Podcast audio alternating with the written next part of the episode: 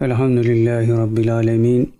Ve salatu ve selamu ala Resulina Muhammedin ve ala alihi ve sahbihi ecma'in. Euzu billahi semil alim mineşşeytanirracim. Rabbi şrah li sadri ve yessir li emri ve hlul ukdeten min lisani yefkahu kavli. Ya hayyu ya kayyum bi rahmetike ya mugisu agisu. Değerli arkadaşlar, bugün yine sohbetimizi dört ayrı dersle yapmış olacağız inşallah. Birinci dersimiz yine Kumandan Hazretlerinden bir kitap. Bu sefer Yağmurcu isimli eserinin 107. sayfasından bir misalle başlayacağız ki bundan önce anlatacaklarımız için şu şerhide düşmüş olalım. Burada söyleyeceklerimizi e, dersin ilerleyen dakikalarında Aytunç Altındal'dan nakledeceğimiz bir buçuk iki dakikalık bir videoya nispet içinde söyleyeceğiz. Orada meselenin hakikati biraz daha açığa çıkmış olacak. Yani böyle şeylere niye e, bu misallere niye tevessül ediyoruz? Onun hakikatini idrak etmeye çalışarak dersimize devam edeceğiz inşallah. Şimdi buradaki mesele şu tabi. Kafirde de münafıkta da e, yani kafirde de Müslümanda da mümkün olan bir şeyi kabul etmeme garabet. Yani bunu kafir de yapabiliyor. Müslüman da yapabiliyor. Ama birileri bunu reddedebiliyor. Bu ruh kuvvetiyle alakalı olduğu için kafir mümin meselesi de burada fazla bir şey ifade etmiyor. Yalnız biri istitraç, biri keramet babında değerlendirilmek suretiyle tabii ki. Şimdi bunu reddedenin reddinin içinini ortaya e, koyamaması yani benim aklım almıyor demesi tuhaf bir adamım demekten mada bir şey ifade etmez yani. Hani benim aklım almıyor. Dolayısıyla böyle bir şey yoktur denilemez. Bu bir tuhaflık. Genelde de bu tuhaflık maalesef yapılıyor. Şimdi burada okuyacağımız yani e, Kumandan Hazretleri'nin Yağmurcu isimli kitabının 107. sayfasında okuyacağımız şey hem keramet hem de istitraç babında bir misale denk geliyor. Önce onu okuyalım sonra arkasından kısa bir şerhle dersimizi bitirmiş olacağız inşallah. Şimdi diyor ki Kumandan Hazretleri İslam büyüklerinden Müferriç Mısri adında birisi varmış. Yakınlarından biri onu yani bu Müferriç Mısri'yi Arefe günü Arafat'ta gördü. Haç'ta görüyor onu. Bir başka yakını da aynı gün onu evinde görüyor. Yani biri Arafat'ta, biri evinde görüyor aynı günlerde. Bu gerçekleşiyor. Bu iki arkadaş e, kendi aralarında da münakaşaya tutuşuyorlar. Biri diyor ki Arafat'taydı. Hayır öbürü diyor evdeydi diyor. Böyle bir neza bir çekişme oluyor aralarında. Biri diyor ki eğer Arafat'ta değil idiyse karın boş olsun. Yani o kadar emin ki kendinden e, eğer dediğim yanlışsa karım benden boş olsun diyor. Böyle riskli bir dava gidiyor. Öbürü de diyor ki eğer evinde değil idiyse benim karım boş olsun. Bu da aynı cesareti göstererek şimdi bunlardan ikisinden birisinin hanımının boş olması lazım İslam fıkhına göre. Çünkü ikisinin de doğru olması akli melekelerimizde düşündüğümüzde mümkün değil yani. Dolayısıyla birisi riskli bir duruma girmiş olacak. Ve beraber bunlar şeyhe gittiler. Yani o gördükleri zata gittiler. Ve münakışa ve ahitlerini anlattılar. Şeyh Efendi de bunlara güldü. Yani ikisi de bir tanesi zor durumda kalacak nihayetinde. Fakat Şeyh Efendi hakikatleri bildiği için gülüyor, tebessüm ediyor ve diyor ki bunlara ikiniz de doğruyu görmüş ve söylemişsiniz. Hiçbirinizin zevcesi boş değildir. E nasıl oluyor ikisinin birden aynı anda haklı olması Ya biri ya öbürü olması lazım. Hani kuantum fiziğinde de e, çift yarık misali vardır ya bir birliği iki delikten birden geçirmek mümkün değil. Ya sağdakinden ya soldakinden geçer. Ama kuantum gerçekliği bakımından hadise öyle olmuyor. Bir birliğe iki delikten aynı anda geçip arkada birleşiyor. Şimdi o fiziki şartlarda yapılan, ortaya konulan bir şey. Bu da mana itibariyle yapılmış bir şey. Bunlar delillendirilmiş, misallendirilmiş, asırlarca yaşanmış. E sonra tabi bu kültür unutulunca akıl tereddüte düşmüş falan falan falan. Şimdi zaten meselemiz de bu. Bunları anlatacağız ve bunu anlatırken de Aytunç Altındal'dan nakledeceğimiz videodaki enteresanlığı da göreceksiniz. Kim bize nasıl bir felaket yaşatmış ona şahit olacağız. Evet Şeyh Efendi diyor ki ikiniz de doğruyu görmüş ve söylemişsiniz. Hiçbirinizin zevcesi boş değildir. Ve devam ediyor Kumandan Hazretleri diyor ki büyük kemal sahipleri kendilerini aynı zamanda başka mekan ve şekillerde göstermek kudretine maliktirler. Yani üstün veriler bunu yapabilirler. Aynı anda farklı mekanlarda ki bugün teknolojide bunu gerçekleştirmeye çalışıyor. Bunu fiziki olarak henüz yapamadılar ama şey olarak yapıyorlar yani. E, görüntü olarak hologram meselesiyle denk gelen şekilde falan yapıyorlar ama fiziki olarak bu transferi henüz gerçekleştiremediler. Ona da uğraşıyorlar. Bizimkiler çoktandır yapıyor. Adem Aleyhisselam'dan beri yapıyorlar yani. O ayrı bir olay. Evet, büyük kemal sahipleri diyor kendilerini aynı zamanda başka mekan ve şekillerde gösterme kudretine maliktirler ve devam ediyor. Diyor ki bunun istitraç nevi de var. Yani bunu bir kemalat ehli bir veli yapabilir ama aynı zamanda istitraç kabilinden bir Hristiyan da yapabilir.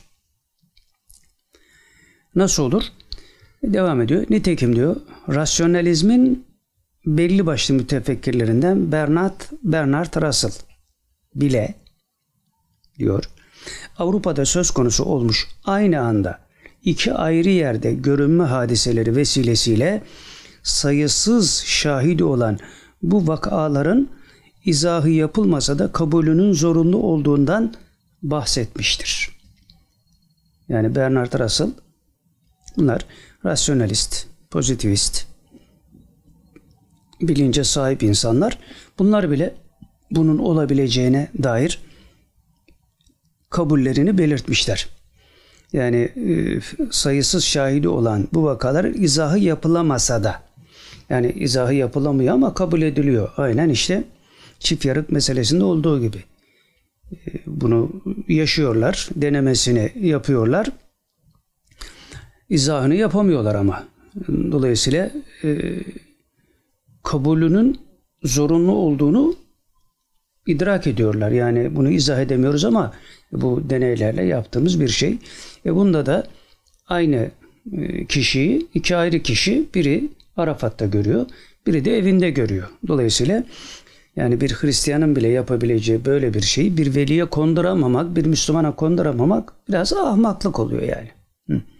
Yani kafirin de Müslümanın da müşterek olduğu bir mesele. Ama oradaki nüans birinde istitraç, birinde keramet var. Yani birisi imanın hakikatiyle alakalı, biri iman noktasından uzak olmanın bedahetiyle alakalı. Yani ruh gücünün devreye girmesi. Ama o ruh gücünün nispeti doğru bir nispet değil. Bütün mesele bunu anlayabilmek. Zaten kuantum fiziği de bu meseleleri yavaş yavaş milletin gözünün içine sokmaya başladı. Bundan kurtuluş yok. Onun için Kumandan Hazretleri'nin söylediği bir şey var.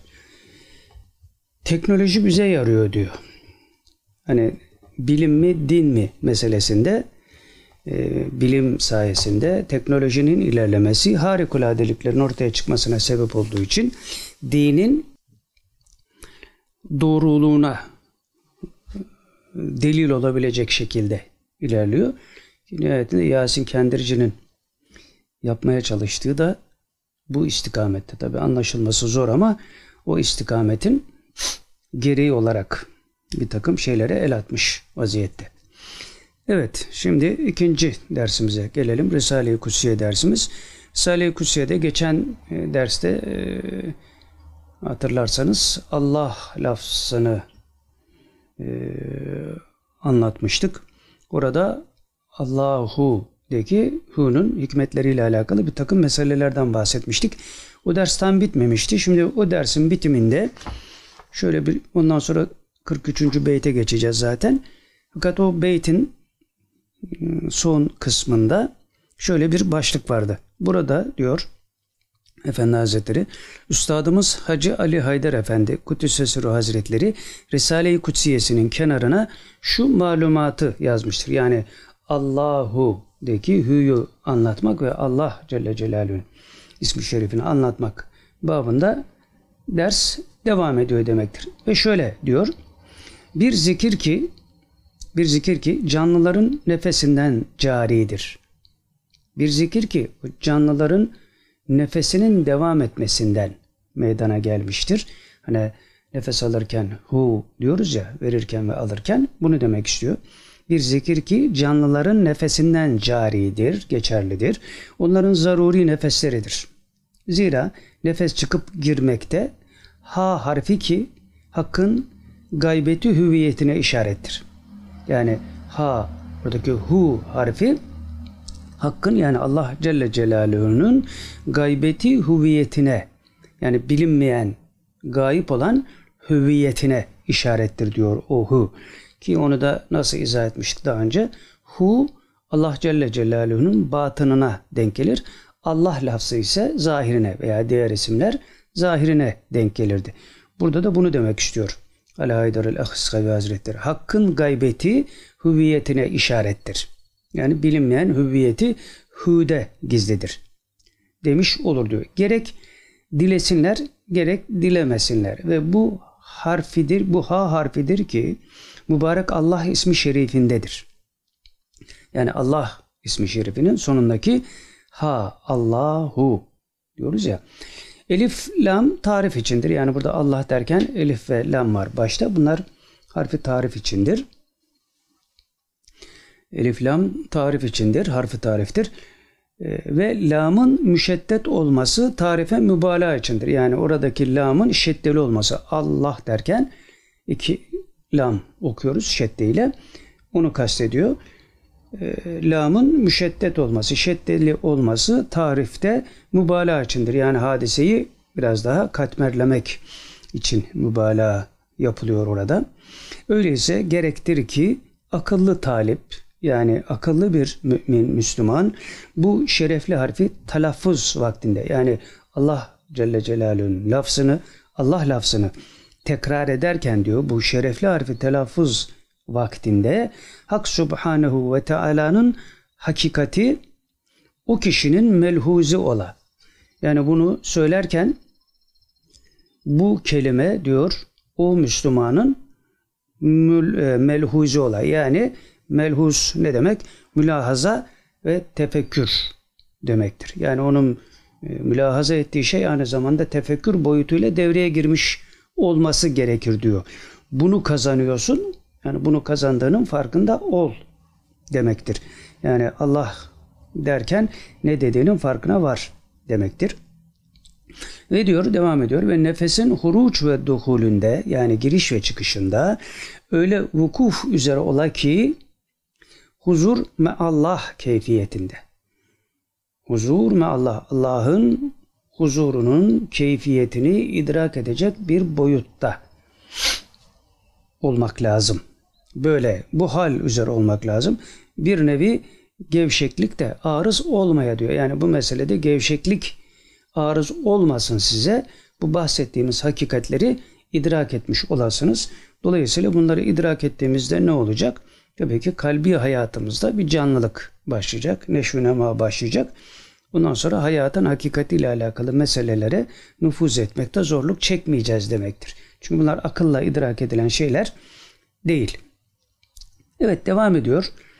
Ali Haydarül Ehıskavi Hazretleri Nakşibendiye indinde bu hale yani bu bahsettiğimiz bu hale her an uyanık olmak, gafil olmamak denir. Yani bunu idrak edebilmişsek şayet bu hale uyanık olmak, gafil olmamak hale diyoruz diyor.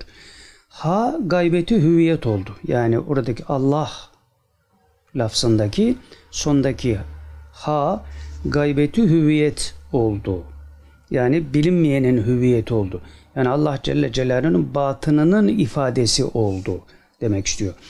Ey harfe arif olan, ey bu harfi bilen, bilmeye çalışan, idrak eden, idrak etmiş olan.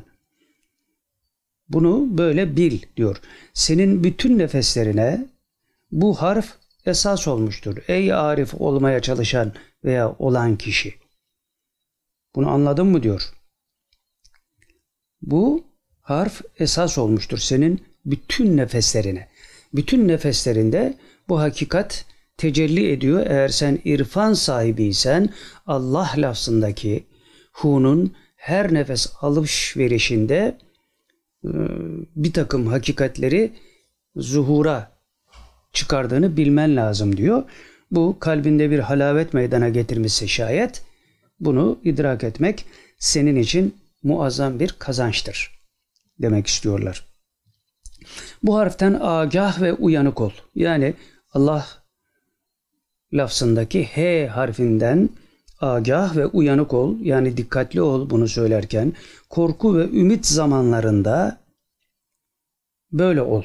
Yani ister korku zamanında ol, ister ümit zamanında ol. Fakat bu hu kelimesinden gafil olma. Bu senin için büyük faydadır demek istiyorlar. Bir harf dedim. Bir harf dedim. Hu. Büyüklük eğer tutarsan. Eğer tutarsan sana öyle bir harfi anlattım ki bunu idrak etmen lazım.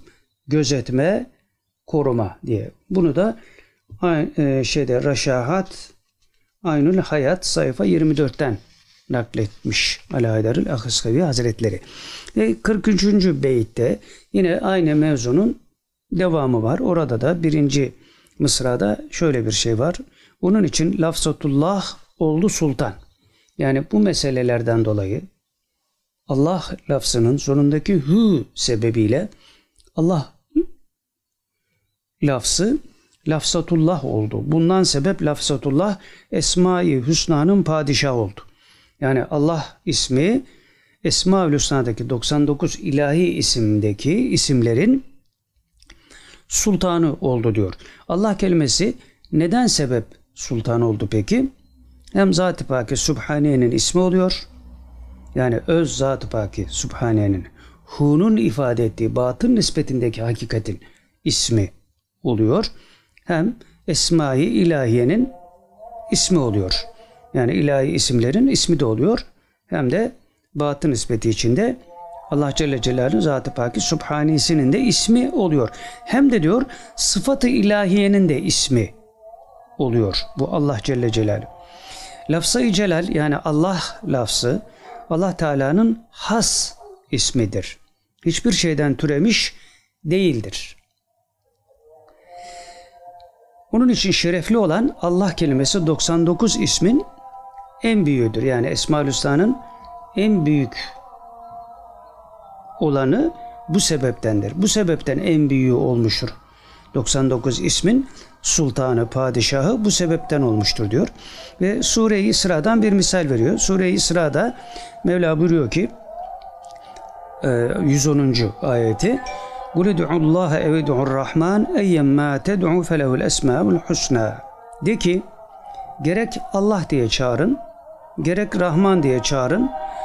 Hangisiyle çağırırsan nihayet en güzel isimler ona mahsustur. Yani bütün isimleriyle Allah'a yönelmek mümkün ama zahir batın dengesini muhafaza edebilmek için hangisinin zahir, hangisinin batın, hangisinin sultan, hangisinin vezir olduğunu bilmekte fayda var. Orada da işte Estağfirullah hellestevillezine ya'lemune vellezine la ya'lemun ayetine denk geliyoruz. Hiç bilenlerle bilmeyenler bir olur mu? E, tabii ki olmaz. Bilerek bu hadiseye yönelmenin faydası elbette ki bilmeyenlerin yönelmesinden daha mükemmeldir ve daha faydalıdır. Ondan sonraki sırada şöyle diyor. Vezirdir ismi zata ismi Rahman. Yani Rahman ismi sultan olan zat ismine vezirdir.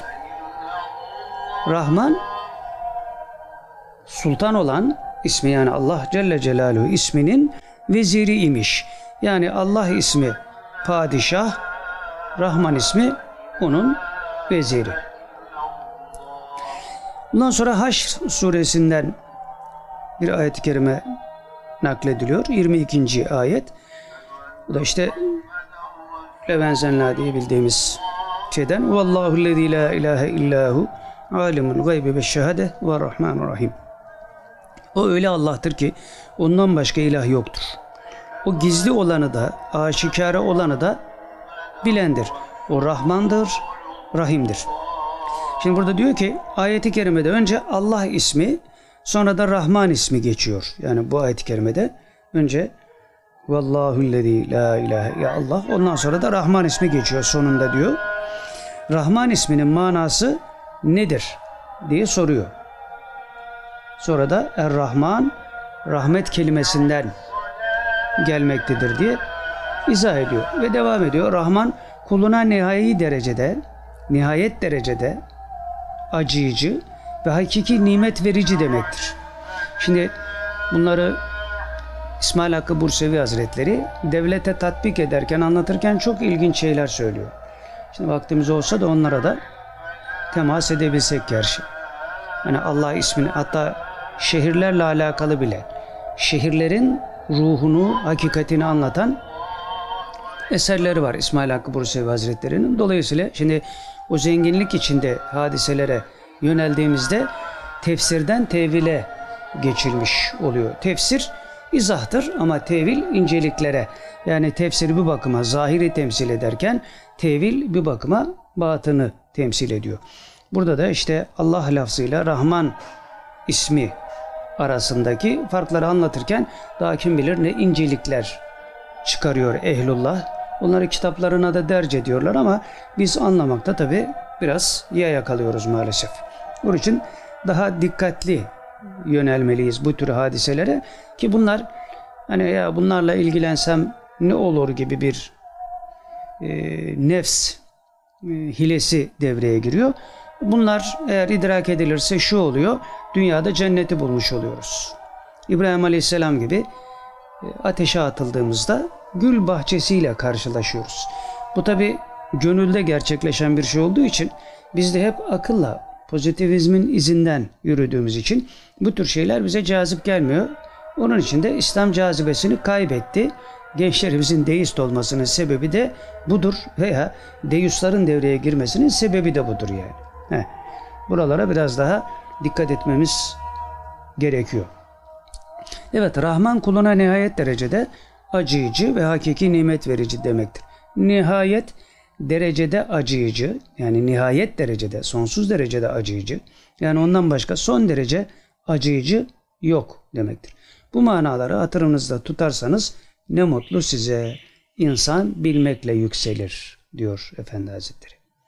Bunları hatırınızda tutarsanız ne mutlu size. Şimdi ehlullah kelamı boş olmaz. İçini doldurabilmek için teminki ayeti hatırlamamız lazım. Hiç bilenlerle bilmeyenler bir olur mu? Şimdi bilenler konuşurken bazen çok yalın konuşurlar. Böyle e, cümle çok açıktır, çok avamidir ama içinde dünya kadar hakikat gizlidir. Onun için bu manaları hatırınızda tutarsanız ne mutlu size cümlesinin içindeki gerçek manayı idrak etmemiz, ona nüfuz etmemiz halinde hayatımızın rengi, şekli, şemali değişecektir. İnsan diyor bilmekle yükselir. Ve devam ediyor. Rutbetul ilmi a'lar rutebi. Yani bütün rütbelerin en yükseği ilim rütbesidir. Tamam ilim rütbesidir ama bildiğimiz başka bir şey daha var. Yine ehlullah'tan. İlim insanın cehaletini giderir, ahmaklığını gidermez. Peki bunu nasıl tevil edeceğiz o zaman? Hem ilim böyle bir rütbeye bizleri mazhar kılarken bir yandan da böyle bir tehlikeyle karşı karşıyayız. Onun için de Efendi Hazretleri burada şöyle bir ifade kullanmış. Yalnız ilim olunca onun yanında amel ve ihlas da gerekir. Onun için ilim isterken amel ve ihlası da yanında istememiz lazım ki ilmin yakinine vakıf olalım. Yani kesin bilgi haline dönüşsün bizde. Yoksa felsefeden ibaret kalır. Felsefede Üstad Hazretlerinin dediği gibi kuyruğu etrafında dönen kedi misali gibidir. Dolayısıyla buradaki e, uyarıcı cümlelere dikkatlerimizi teksif etmemiz gerekiyor. Evet, dikkat e, İslami ilimleri iyi öğrenmeye dikkat edin. Bir daha bu hayat ele geçmez. Yarın ahirette cennetlerde çok çeşitli yemekler olacak. Dünyada kendini onlarla meşgul etme. Yani dünyadaki zevki sefaya tamah etme. Bunların hepsi öbür tarafta var ama orada ibadet yok. İbadet burada, itaat burada, Kur'an ve sünnet istikametinde yürümek burada, içma ve kıyas noktayı nazarından hayatı donatmak burada, eşya ve hadiseleri tasarruf altına almak burada, bu vazifeler burada bize emir olarak verildi. Öbür tarafta yok. Onun için burada var gücümüzle her şeyi bırakıp bunlara yüklenmemiz bizim menfaatimizedir. Ve devam ediyor. Cennetlerde çok elbiseler var, çok başörtüler var, çok köşkler var, çok saraylar olacak diyor orada. Dünyada kendini onlarla meşgul etme. Orada onlarla karşılaşmak için eğer bir hayat tanzimine girersen burada da Allah kalbine halavet verir.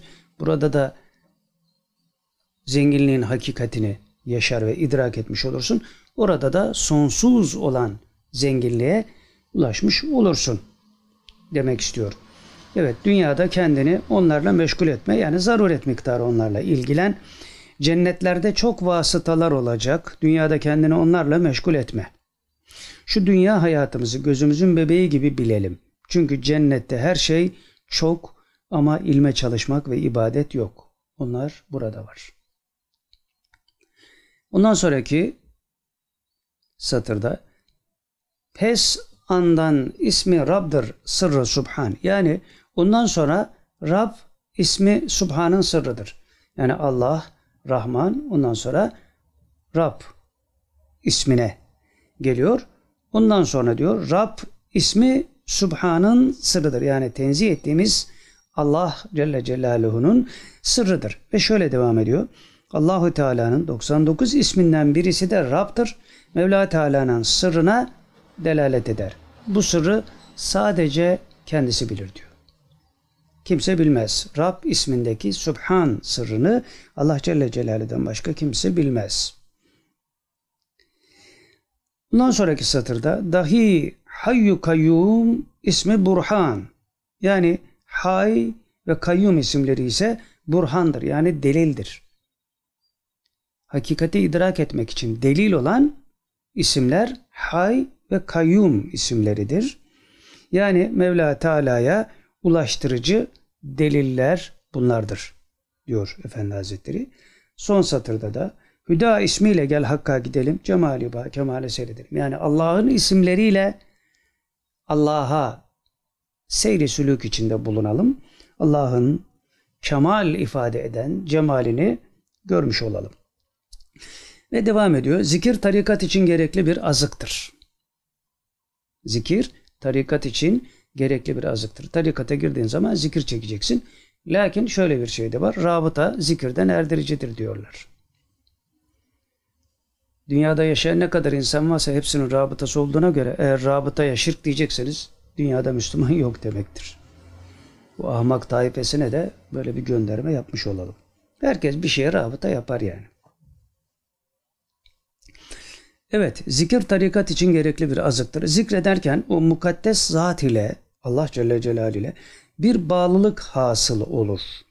Her ne kadar onunla hiçbir bağlılık kurulamaz ise de yani hakiki manada Allah Celle Celaluhu zatıyla böyle bir şey kurulamayacak olsa da bir bağlılık kurulamaz ise de hatırlayan ile hatırlanan arasında az bir bağlantı hasıl olur zikir vesilesiyle hatırlayan ile hatırlanan arasında bir bağlantı hasıl olur. Bu bağlantıdan sevgi doğar. Zikredenin kalbini sizi sevgi kaplayınca kalpte itminan hasıl olur. Yani zikrede ede kalpte bir sevgi oluşur. Dolayısıyla da itminan oluşur. Estağfirullah. Ela bi zikrillahi tatmainnel kulub. Ayeti hatırlatıyoruz.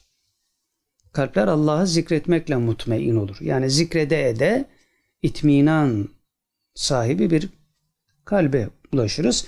Eğer böyle bir şey yapamamışsak hayat boşluk tanımaz.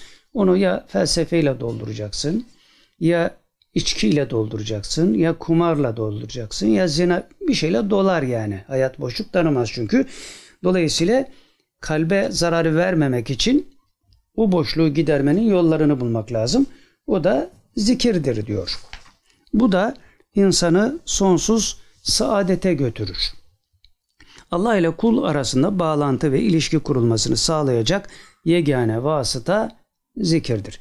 Efendimiz Aleyhisselatü Vesselam barışta ve savaşta sürekli zikretmiştir. Hep Rabbi ile beraberdir. Onun için hani bazen hatırlatıyoruz ya, başta kendimiz olmak üzere tabi. Allah Celle Celaluhu'ndan istememiz lazım. Ya Rabbi ben sana yakın olmak istiyorum. Ben sana yakın olmak istiyorum. Eğer yakın olma isteğimde bir maraz varsa, bir hastalık varsa, bir sakatlık varsa onu da düzelt ya Rabbi. Ben istiyorum bunu. Günde birkaç sefer insan bunu aklına getirebilse veya yatarken uyuyana kadar bunu düşünse neler olur neler. Bunlar olmayınca tabi mihmandar olarak akıl öne geçiyor. Akıl nefse denk geldiği için de yoldan çıkmamıza sebep oluyor. Çünkü akli selime denk gelmez. Zikirsiz akıl akli selime denk gelmez. Onun için sallar durursun yani. Evet, Allah ile kul arasında bağlantı ve ilişki kurulmasını sağlayacak yegane vasıta zikirdir. Ondan sonra bir hadis-i şerif naklediyor Efendi Hazretleri. Diyor ki hadis-i şerifte Resulullah sallallahu aleyhi ve sellem şöyle buyuruyor. Allahu Teala'nın 99 ismi vardır. Her kim bu isimleri sayarsa mutlaka cennete girer. Sayarsa kelimesini de aşağıda izah ederek mevzuyu bitiriyor. O 99 isimde şunlardır diye burada Esma-ül Hüsna'yı nakletmiş ve bitiminde şöyle diyor. Bu Esma-i Hüsna'yı ezberleyin. Bunu ezberleyin. Küçücük çocuklar bile ezberliyorlar artık bunları. Hadis-i şerifte kim sayarsa diyor ya yukarıda bunları kim sayarsa mutlaka cennete girer. Bunu tevil ediyor. Kim sayarsa buyurulmasından murat yani Allah Resulü'nün bundan muradı kim bu isimleri zikretmeye devam ederse demektir. Yani Esma-ül Hüsna'yı günde bir sefer, iki günde bir sefer, üç günde bir sefer, haftada bir sefer, ayda bir sefer neyse herkes gücüne göre. Menfaatini tabi düşünen insanlar bunu daha sık yaparlar ayrı bir olay da işte o menfaati düşünecek hale gelebilmek için akıldan da sıyrılmak gerekiyor. Zikirle kalbe halavet doldurup akli selime geçmek gerekiyor. Zaten mesele konuşmakta ondan sonra başlıyor. Yani çok kitap okumakla mesele konuşulamaz. Şimdi bunlar olmadığı zaman başka bir şey oluyor tabi. Ne oluyor? Ee, işte temin bahsettiğimiz hiç bilenlerle bilmeyenler bir olur mu ayeti celilesi. Diyelim ki siz bu istikamette çalıştınız, çabaladınız. Ee, bir mesafe e, aldınız ve bilenler taifesinden oldunuz. Yani yakin ilmiyle tanıştınız diyelim. Ee, bir de düz mantık giden birisi var karşınızda. Şimdi adama doğruyu da söyleyemiyorsunuz. Söylediğinizde kırılıyor çünkü. Bunun için kırmadan dökmeden nasıl söyleyeceğinizin hesabını yapıyorsunuz. Adama diyorsun ki senle diyalog olmaz. Niye? Çünkü sen bilenlerden değilsin ki senle monolog olur. Yani ben konuşacağım sen dinleyeceksin deyince bu sefer tabi kuru akılla yine müdahale ettiği için e, sendeki bu kibir neden diyor. E, tam tersi halbuki kibir sende bilmediğin şeyi biliyorum tavrında hareket ediyorsun. Kibrin kimde olduğunu da zaten şey yapamazsın. Ha, biliyorum zannı içinde o kibre düşüyor ama bir de bu bahsettiğimizin sahteleri de var yani. Senle diyalog olmaz. Monolog yapmamız lazım. Ben konuşacağım sen dinleyeceksin derken hadsizlik yapan da var tabii ki. Allah muhafaza. Onun için yapılıp edilenlerin her şeyin Allah rızasına şey olması lazım. Nispeti olması lazım. Bu olmadığı müddetçe yapılan her şey hangi taraftan yaparsan yap yanlış yapmış olursun. Evet şimdi geldik aktüel meselelere. Burada şimdi başlarken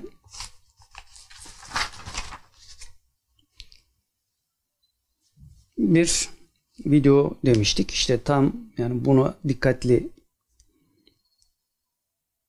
bakmamız lazım, dinlememiz lazım. Bir bunu göstereceğiz. Ondan sonra Yasin-i Şerif'in Meal Tefsir ve Havası isimli Emir Sultan Hazretleri'ne ait kitaptan da böyle 3-4 satırlık bir şiirin hmm, şeyini yapacağız. Orada tercümesi var diyelim. Onu bunları niye söylüyoruz? Şunun için yani bunlar şunun için önemli. Ee, bu tür meseleleri unutmamız sebebiyle başımıza ne geldi?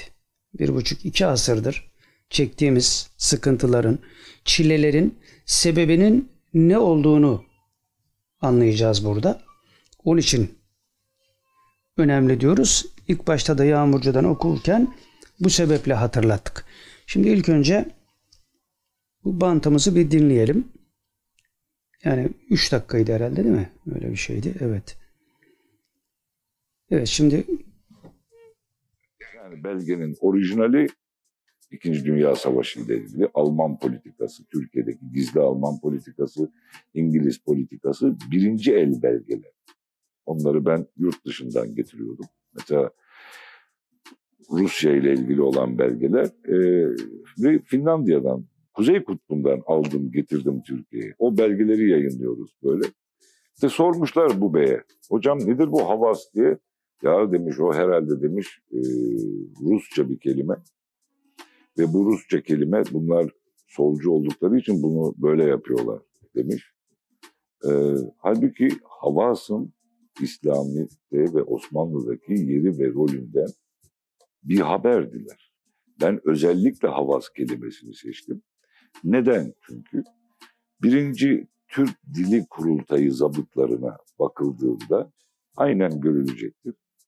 Türk Dil Kurumu var ya, onun birinci e, kurultayında diyorlar ki e, Türkiye'deki insanların hafızasından silinmesi gereken kelimeler nelerdir? Ve ilk olarak da havası buluyorlar. Diyorlar ki e, Satı Erişen diye birisi vardı. O diyor ki havas kelimesi en tehlikelisidir. Bundan başlayalım ve o kelime Türkiye'den unutturuluyor. Bundan dolayı onu yeniden canlandırmak amacıyla hafızadan silinmiş olan bu kavramı yeniden canlandırmak için e, yayın evini kurdum ben. Yani onun onların dediği gibi Rusça bir kelimeyi alıp koymuş değilim. Öyle bir olay olsa e, proletaryanın kızıl yumruğu yayınları diye bir olay kurardım yani. Ya da halkın işte bir sürü halkın diye başlayan dergiler, partiler, martiler vardı. Hatta ben de e, onlarla biraz dalga geçmek için halkın teferruatı bunlar derdim. Ha, havası bunun için. Peki bu havas kelimesi niye önemliydi? Havasın önemi. Havas hem gizli ilimlerde yer alan bir kavramdı ve olması gereken, unutulmaması, asla unutulmaması gereken bir kavramdı. Hem de e, ilmi havas, ehli havas veya havasül havas, enhasül havas gibi anlamlarıyla da e, Osmanlı'nın münevveran yahut da eğitim görmüş eğitimli kişilerinin toplumları yönetiş biçimini anlatan bir olaydı. Havas geleneği vardı Osmanlı'da ve onun sayesinde Osmanlı ayakta kaldı ve egemen olabildi. Cumhuriyet döneminde Havas'ın yerini işte evvela münevver arkasından da aydın diye birileri aldı ve o aydınların Türkiye'yi getirdikleri yerde Avrupa Birliği köleliği oldu. Burada kapılarda yalvar yakar bir duruma düşüldü. Eğer o havas dürüstlüğü ve hiçbir çıkar gözetmeksizin kendi milletine hizmet terbiyesi devam ettirilebilseydi böyle olmayacak. Evet. Mesele herhalde anlaşılmıştır. Şimdi e, bu mevzuyla alakalı ledünni muhaverelerde biraz daha mesele açılacak. Hatta Aytunç Altındal'ın bu ilme vukufiyetinin ölçüsü de bir bakıma ortaya çıkmış olacak. Ama burada görüyorsunuz Osmanlı'da bu havas ilmi var olduğu için devlet ayakta duruyordu. Bunları padişahlar da bilirdi. Daha çok tabi padişahların etrafında onlara göz kulak olan veliler bu meselelere vakıf olan insanlardı. Onun için İsmail Hakkı Bursevi Hazretleri'nin bir eserinde görmüştüm. Daha önce naklettim zannediyorum. Beş padişah görmüş. Bizim dönemimizdeki padişahlar diyor ehlullah'a itibar etmedikleri için yani hakikatiyle itibar etmedikleri için çok sıkıntı çekiyorlar diyor. Evet bu ledünni hakikatle, havas ilmiyle alakalı meseleler devletin ruhuna nüfuz etmemişse, milletin ruhunda o ahlaki normlar Allah Resulündeki ahlak gibi tecelli etmiyor demektir. Demek ki buradan anlıyoruz ki şu anda istikameti üzerinde olduğumuz meseleler aslında zaruri olan şeyler. Hani bazen iyi niyette tabi bazı arkadaşlar söylüyorlar hani niye bu bu tür şeylerden e, bahsediyorsunuz? E, işte bize inanmıyorsanız ayet 3 altında la bakın. Şimdi buradan Emir Sultan Hazretlerinden de vereceğimiz misalde de aynı şey var. Başka alternatifimiz yok ki bunu Batılılar e, pozitivist düşünceleriyle bize ilka ederken yani bunun e, bitaat olduğunu, hurafe olduğunu bize intikal ettirirken kendileri bu işlerle uğraşıyorlardı. İşte Bulgaristan'da Baba Vanga denilen kadın. E, Hitler bile ayağına gelmiş. Komünist Bulgar rejimi ona vakıf kurmuş onun adına. Ondan istifade ediyor. Bugün Ruslar özellikle İsrail, Amerika bunların hepsi bu işin peşine düşmüş vaziyetteler. Bunun hakikisi de bizde. Bizde olmasına rağmen bizde insanlar ya işte hani mesela tabi diyorum kimseyi kınamak için söylemiyoruz. Mesela biz bunlardan bahsettiğimiz için adam diyor ki hani bir de hayatın içtimai tarafı var diyor. Yani bunlar boş işler. İçtimai taraf var. E, ben de espri yapıyorum. Yani içtimai tarafa bakarken de hani hesaplaşabiliriz. Bir tane derneğimiz var. Bir tane vakfımız var. Bir tane kitap evimiz var. Bir tane dergimiz var. 15-20 tane yazdığımız kitap var. 800 tane videomuz var yani hayatın içtimai tarafına başka nasıl bakalım yani. Hani her şeyi bırakmışız da bununla uğraşıyormuşuz. İntiba doğuyor. Bu şundan doğuyor tabi. O insanlara şey yapmıyorum yani muhalefet etmek için söylemiyorum. Mesele anlaşılsın. Onlar da kendi zaviyelerinden haklılar. Fakat bu mesele işte Aytunç Altındal'ın tespit ettiği bu mesele bize bir buçuk asırdır o kadar derinden unutturuldu ki bak Türk Dil Kurultayı'nda adam ne diyor? Satı erişen diye adam. İlk çıkarılacak kelime havastır diyor. Eğer batınla bunların ilişkilerini koparırsak her şey biter ve bitirdiler. Müslüman bile bunlara yani hava silmine Müslüman bile karşı koyuyor. Tabi diyorum orada işte bilmemekten veya anlamamaktan kaynaklanan itirazlar ayrı bir olay yani. Ee, onlar da nihayetinde e, vakti zamanı geldiğinde anlaşılacak. Şimdi e, belki kıyısından köşesinden mevzuların içinde bu tür hadiselere de değineceğiz. Tabii kimsenin kalbini kırmak istemeyiz. Yani özellikle ona dikkat ediyoruz. E, bizim kalbimizi kırabilirsiniz hiç sorun değil. Yani öyle bir derdimiz yok çünkü e, hani teşbihat olmaz kaydıyla söyleyelim. Yunus Emre Hazretleri'nin söylediği şey var ya ballar balını buldum kovanım yağma olsun. Yani biz balı bulduğumuzu söylemiyoruz ama balın hiç olmasa kokusu böyle bir bir, bir geldi geçti gibi yani diyelim. He. Onun için biz isteriz ki herkes bu hakikatleri idrak etsin. Bu bizim meselemiz değil zaten. Yani Kur'an ve sünnet meselesi Efendimiz Aleyhisselatü Vesselam'ın batınıyla alakalı meseleler olduğu için ve işte Osmanlı'nın ayakta durmasına sebep olan bu havas ilmiydi. Ee, geçen gün öyle bir şey gördüm. Onu da söylemiş olalım. Aklıma geldiği için söylüyorum. Ee, internette Şah Nakşibend Hazretleri'nin gömleği üzerinde işte tılsım şeyleri var, ayetler, dualar var. E, şimdi bunu yayınlayan da e, ehl Sünnet bir cemaat yani. E, zannediyorum orada öyle bir şey yazıyordu.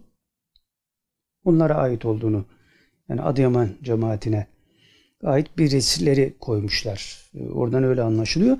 E, bizim de dikkatimizi çekti. Ledünni muhaverelerde evet o gömlek Şah Nakşibend Hazretlerine aittir dediler. Dolayısıyla şimdi bu havas ilmi istikametinde. Bak diyorum kafirin de bu konuda tasarrufu var ama onunki istitraç yönünden. Bizimki bambaşka. İşte onu hatırlayalım diye İsviçre'den döndüğünde Havas kitabı bir kuruyor Aytunç Altındal. Ne kadar mühim olduğunu hissetmiş ama bütünüyle idrak etmesi mümkün değil. Çünkü o başka bir şey gerektiriyor. Aytunç Altındal bilgiyle ona ulaşmaya çalıştı. Buna rağmen güzel şeyler yakaladı. Ama bilgi yetmez tabi. Dolayısıyla şimdi bunu teberrük babında ben mesela o Şahan Akşement Hazretleri'nin kaftanını teberrük babında çerçeveletip evime asacağım yani. yani. Arzu edenler de yapabilir. İnternette var. Evet yani bunlar bu istikametteki hadiselerin gereği. Dolayısıyla ya sosyal hadiseye bakan bir tarafı var mı yok mu? Sosyal hadiselerin ta kendisi. Çünkü eşya ve hadiseleri tasarruf edecek ruh elde edilmemişse ilim esbabı tuğyandandır, azdırıcı sebeplerdendir. İlimle kafayı toslayabiliriz. Çoğu da tosluyor zaten. Hani hikemiyatı felsefe haline dönüştürme tehlikesi de burada doğuyor. Evet, şimdi bahsettiğimiz Emir Sultan Hazretleri'nin e, bu Yasin-i Şerif'in meal, tefsir, esrar ve havası isimli kitabının 17. bölümünde tabi bu kitabı hazırlayan şimdi burada bir şey söylemiş. Ee, söylediği şu öz cümle e, bazı kişiler diyor e, akıl üstü tabi bu akıl dışı diyor da yanlış olmuş orada akıl üstü davranışlara yer verilmemesi gerektiğine dair konuşurlar diyor bazıları. Bunun üzerine diyor biz bir şey söyleyelim. Yani akıl üstü meselelere el atmak gerekiyor mu gerekmiyor mu diye bir şey söylüyor. O da şu Gülşeni tarikatının piri Sezai Gülşen Hazretleri ve Mevlana Celaleddin Rumi Hazretlerinin aşağıdaki şiirlere yer vermemesi gerekirdi diyor eğer sizin dediğiniz gibi olsaydı. Böyle bir şiir yazmışlar. Ne diyorlar o şiirde? Ee, Sezai Gülşen Hazretleri diyor ki girenler mektebi dilde okurlar derse bi talim Sezai bunda anın çun akılla içtihat olmaz diyor. Ondan sonra da Mevlana Celaleddin Rumi Hazretleri'nin iki satırlık şeyini naklediyor. Orada da diyor ki paye istitlaliyen çupin büvet paye çupin sahtı bi temkin büvet fahri razi dari din budi budi. Şimdi bunun anlamı da şudur diyor. Her şeyi akıl ile halletmek isteyen istitlal sahiplerinin ayakları tahtadandır. Yani akılla her şeye delil bulmak isteyen kişilerin diyor ayakları tahtadandır ve devam ediyor. Evet tahta diyor tahta ayak serttir ama çabuk kırılır. Yani bu bizim ayağımız gibi değildir. Çabuk kırılır. Eğer diyor akılla dinin esrarına vakıf olmak mümkün olsa idi. Yani akılla Kur'an'ı, sünneti, evliya kelamını idrak etmek mümkün olsa idi. Fahreddin Razi vakıf olabilirdi. Eğer akıllı olsaydı Fahrettin Razi akılla yola çıktı. O yapardı diyor. Yapamadı. Çünkü bunun akılla alakası yok. Akli selimle alakası var. Akıl akli selime alettir. O kadar. Akıl akli selime alettir. Çünkü akıl yakin meselesini idrak edemez. Yakin akli selimde gerçekleşiyor. Yani zahirden batına geçildiğinde 2 kere 2 4 eder. Bu aklın tavrıdır. Ama 2 kere 2 5 eder. Bu akli selimin tavrıdır. Yani unsur üstü manaya denk gelir. Onun için fizikçiler bile ne demiş? Eşya parçalarının toplamından ibaret değildir. Yani bu defter parçalarının toplamından ibaret değildir. E parçalarının toplamından fazla ne var ki bunda? Var diyor işte. Akıl da bunu almıyor. Ondan sonra kuantum fiziği geldi. Fiziğin kafasına bir odun vurdu. Biraz meseleler anlaşıldı. Halbuki bizimkiler diyorum Adem Aleyhisselam'dan beri biliyorlar bunları. Onun için hep naklettiğimiz Üstad Hazretleri'nin şiirinde var ya bizimkiler yerden göğe çıkmazlar gökten yere inerler. Onun için oradan bazen atarlar birilerini aşağıya. Oluyor bunlar yani. Evet bu işin işte altyapısını kuramadığımız müddetçe biraz temkinli davranmak zorunda kalıyoruz. Ama şimdi şeyi dinledikten sonra e, Aytunç Altındal'ı dinledikten sonra yani akıl zoruyla bir takım yerlerde takılıp kalmak mümkün mü Müslüman için? Değil. E, kafir için de Bernard Russell misalini verdik Yağmurcu'da. Kumandan Hazretleri'nin kitabında. E, birine inan yani. Hiçbirine inanmazsanız şey gibi olursunuz. Celal amca gibi olursunuz. Önce dışkınızı aşağı yerler. Sonra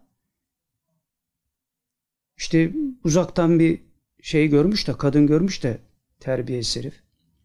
İşte gidip yanından temaşa etmem lazım falan filan çıplak yerlerini. Daha da ileri gidiyor. Talebesine şaplak vurmuş onu anlatıyor. Eteğini kaldırmış şaplak vurmuş.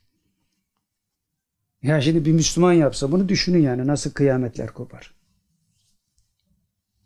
Adam tacizci yani. Şey, ilmi mi yok? Var. Şimdi adam tenkit ederken bile işte ilmine güvendiğim Celal amca diyor. Ne, ne ilmi ya? Hangi ilimden bahsediyorsun? Ya dışkısını yemiş herif ya. Tövbe estağfurullah. İkide bir bize de bedi zevki incittiriyor yani. Ne yapalım? Hani meseleleri anlatmak için bazen biz de böyle hatalara düşüyoruz yani. Evet. Şimdi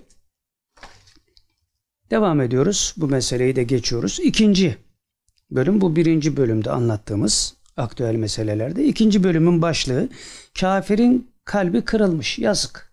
Başlık bu. Kafirin kalbi kırılmış. Yazık. Şimdi 12 Eylül şey 11 Eylül 2021 New York Times gazetesine demeç veren NATO Genel Sekreteri Stoltenberg Taliban'ın Afganistan'da yönetimi ele geçirmesini değerlendirmiş. New York Times gazetesinde. Diyor ki bu adam siyasi ve askeri liderliğin çöküşüne ve daha sonra bunun Taliban karşısındaki tüm savunmanın çökmesine yol açtığına tanıklık ettik. Kim diyor? NATO Genel Sekreteri yani sopa yedik diyor. E, burada bazı kişiler ne diyor? Yok Amerika'nın oyunudur. Amerika orayı bırakıp gider mi ya? E ya dayak yedik diyor adam baksana. Dayak yedik diyor. Taliban karşısındaki tüm savunmanın çökmesine yol açtığına tanıklık ettik dedi. Ve devam ediyor. Bununla birlikte Stoltenberg Taliban'ın dönüşünü kırık bir kalple izlediğini de itiraf etmiş. Kalbi kırılmış. Taliban'ın gelmesine ya adam memleketine geldi ya. Ne diyorsun sen hemşerim ya? Memleketine geldi ya. Seni işgal etmiştin. Seni kovaladı. Terliyle kovaladı seni yani. Niye kalbin kırılıyor ki? Sanki senin memleketine gelmiş, işgal etmiş gibi konuşuyorsun yani. Bu kadar da arsız ve ahlaksızlar adamlar. Evet. Kırık bir kalple izlediğini de itiraf ediyor bu adam. Devam ediyor. NATO Genel Sekreteri Batı müdahalesinin başarısızlığı Batı müdahalesinin başarısızlığı diğer ülkelerde askeri güç kullanımına ve operasyonlara çok ciddi yaklaşılması gerektiğini bizlere hatırlatmalı. Yani bu başarısızlık bundan sonra gideceğimiz yerlerde çok dikkatli olmamız yani daha başka bir yere gitmememiz lazım diyor açıkçası. Yani gittiğimiz her yerden sopa yiyerek çıkıyoruz diyor. Vietnam'dan öyle çıktılar. Afganistan'dan öyle çıktılar. Irak'tan çıkıyorlar. Suriye'den çıkacaklar. Yavaş yavaş hazır. Her taraftan gidecekler. Bundan sonra diyor bu tür hadiselere çok dikkatli yaklaşmamız lazım. Çünkü Müslümanlar uyandı, bizi sopalayıp sopalayıp gönderiyorlar. Demektir bu. Evet, onun için çok ciddi yaklaşmalıyız diyor. Bize bu olan olaylar bunu hatırlatmalı diyor ve devam ediyor. Bir askeri operasyonu başlatmak, onu bitirmekten daha kolaydır ifadelerini kullandı. Yani bir askeri operasyon başlatırsın bu kolaydır da diyor bitirmek zordur. Onun için Ben geçen sohbette 2015-17 tarihini vererek bir şey söylemiştim. Halbuki 2010 yılından beri Amerika Afganistan'dan çıkmaya çalışıyormuş. 2010 yani 10 sene uğraştı. İşte çıkamayışının sebepleri var. Orada silah baronları oluştu. Uyuşturucu baronları oluştu. İşte devletin içindeki bürokraside bir takım arıza falan filan şu sebep bu sebep derken 10 sene uğraştı çıkamadı. 10 senenin sonunda çıkarken bir salaklık yaptı. Bunun izahı mümkün değil yani. Ya 10 senedir buradan çıkmaya çalışıyorsun zaten. Taliban da yavaş yavaş geliyor. E çok rahat gidebilirsin. Ama öyle bir şaşkınlık yaşadılar ki Pentagon dünyanın her tarafında operasyon yapan ordunun başı yani. Amerika jandarma işte jandarmayı temsil eden de Pentagon. Askeri Savunma Bakanlığı. E ne yaptılar bunlar? Yani önce milleti çıkaracaksın oradan sonra sen çıkacaksın. Askersin çünkü. Önce asker gitti. Sonra arkadan ortalık karman çorman oldu. Sonra asker tekrar geri geldi. Yani bu Pentagon'un yapacağı bir hata değil. O zaman hava silmiyle bakmak lazım. Böyle ellerimizi uyuşturarak biraz Aytunç Altındal'a kulak vermek lazım. Çünkü kuvvet ve kudret sahibi Allah'tır Celle Celaluhu. Amerika değil. Ama hala Müslümanlar Amerika'nın kuvvet ve kudret sahibi olduğuna inanıyorlar. Bunun için Mahir kaynaktan hatırlatma yapıyoruz ya toprağı bol olsun. Amerika külli iradedir diyordu. Şimdi bugünleri görseydi acaba ne derdi? Onu da bilmiyorum. Bir tevil yapar mıydı sözüne? Bakmak lazım. Evet. Bir askeri operasyonu başlatmak onu bitirmekten daha kolaydır. Yani başlatabiliriz her an ama bitirmekte gene zorluk çekeriz. Onun için başlatmayalım. Hiçbir işgal etmeyelim demeye getiriyorlar yani. Hı. Geldik üçüncü başlığa. Üçüncü başlık Ladin'in Amerika hesabı tuttu. Şimdi Ladin o kitabı bulamadım. İnşallah bulduğumda şey yaparım. Yani evde olan bir kitap da nerede olduğunu bulamadım. Ladin bir kitabında veya yazılmış bir kitapta Ladin'den nakil olarak da olabilir. Şimdi tam hatırlamıyorum. Amerika'nın ekonomik olarak çöküşünün hesabını yapmış adam. Şöyle şöyle yaparsak Amerika çökecek diye hesabını yapmış ve sonra da şöyle bir şey hatırlıyorum. Diyor ki biz Amerika'yı yenmeye çalışmıyoruz. Amerika'yı çökertmeye çalışıyoruz. Şimdi bunu hatırda tutarak şu mevzuyu, şu haberi bir okuyalım bakalım. Ladin başarıya ulaşmış mı, ulaşamamış mı? Zaferi kim kazanmış ona bakacağız şimdi. Mepanevs haber sitesinde bir analiz başlığı. Diyor ki 11 Eylül sonrası iflasa sürüklenen Amerika Birleşik Devletleri ekonomisi. Haberin bir kısmını okuyalım şimdi. Diyor ki haberde başlangıçta çok önem atfedilen 11 Eylül 2001 saldırılarının ABD'ye doğrudan maliyeti ardından Amerika Birleşik Devletleri'nin başlattığı terör savaşının bu ülkeye yol açtığı maliyetlerin yanında oldukça küçük kaldı. Üst üste sorular soru içinde. Felaket üstüne felaket yaşamışlar. Brown Üniversitesi'nin savaş maliyetleri projesi tarafından yayınlanan rapora göre Amerika bu savaşa ve savaşın ardından giriştiği devlet inşası projelerine 8 trilyon dolardan fazla para döktü. Ve devam ediyor. 20 yıllık bir süreçte harcanan 8 trilyon dolar aslında ifade edilen miktarı oldukça aşan bir kaybı ifade etmekte. Düşünülenin çok fazlası demek istiyor. Çünkü gerçek bir maliyet hesabı için bu paranın Amerika ekonomisini geliştirecek yatırımlara dönüştürülmesi durumunda ülkeye neler katacağı yeni fırsat maliyeti de hesaplanmalı. Yani bu parayı biz buraya dökmeseydik ülkede neler yapacaktık? Dolayısıyla maliyet hesapları ne kadar da bizim lehimize olacaktı. Onlar da bizim lehimize olmadı. Savaşı da kaybettik. Terliği de kıçımıza yedik. Defolduk gittik yani. Elde kalan bir şey yok demek istiyor. Ve devam ediyor. 11 Eylül sonrası ABD ekonomisindeki gerileme.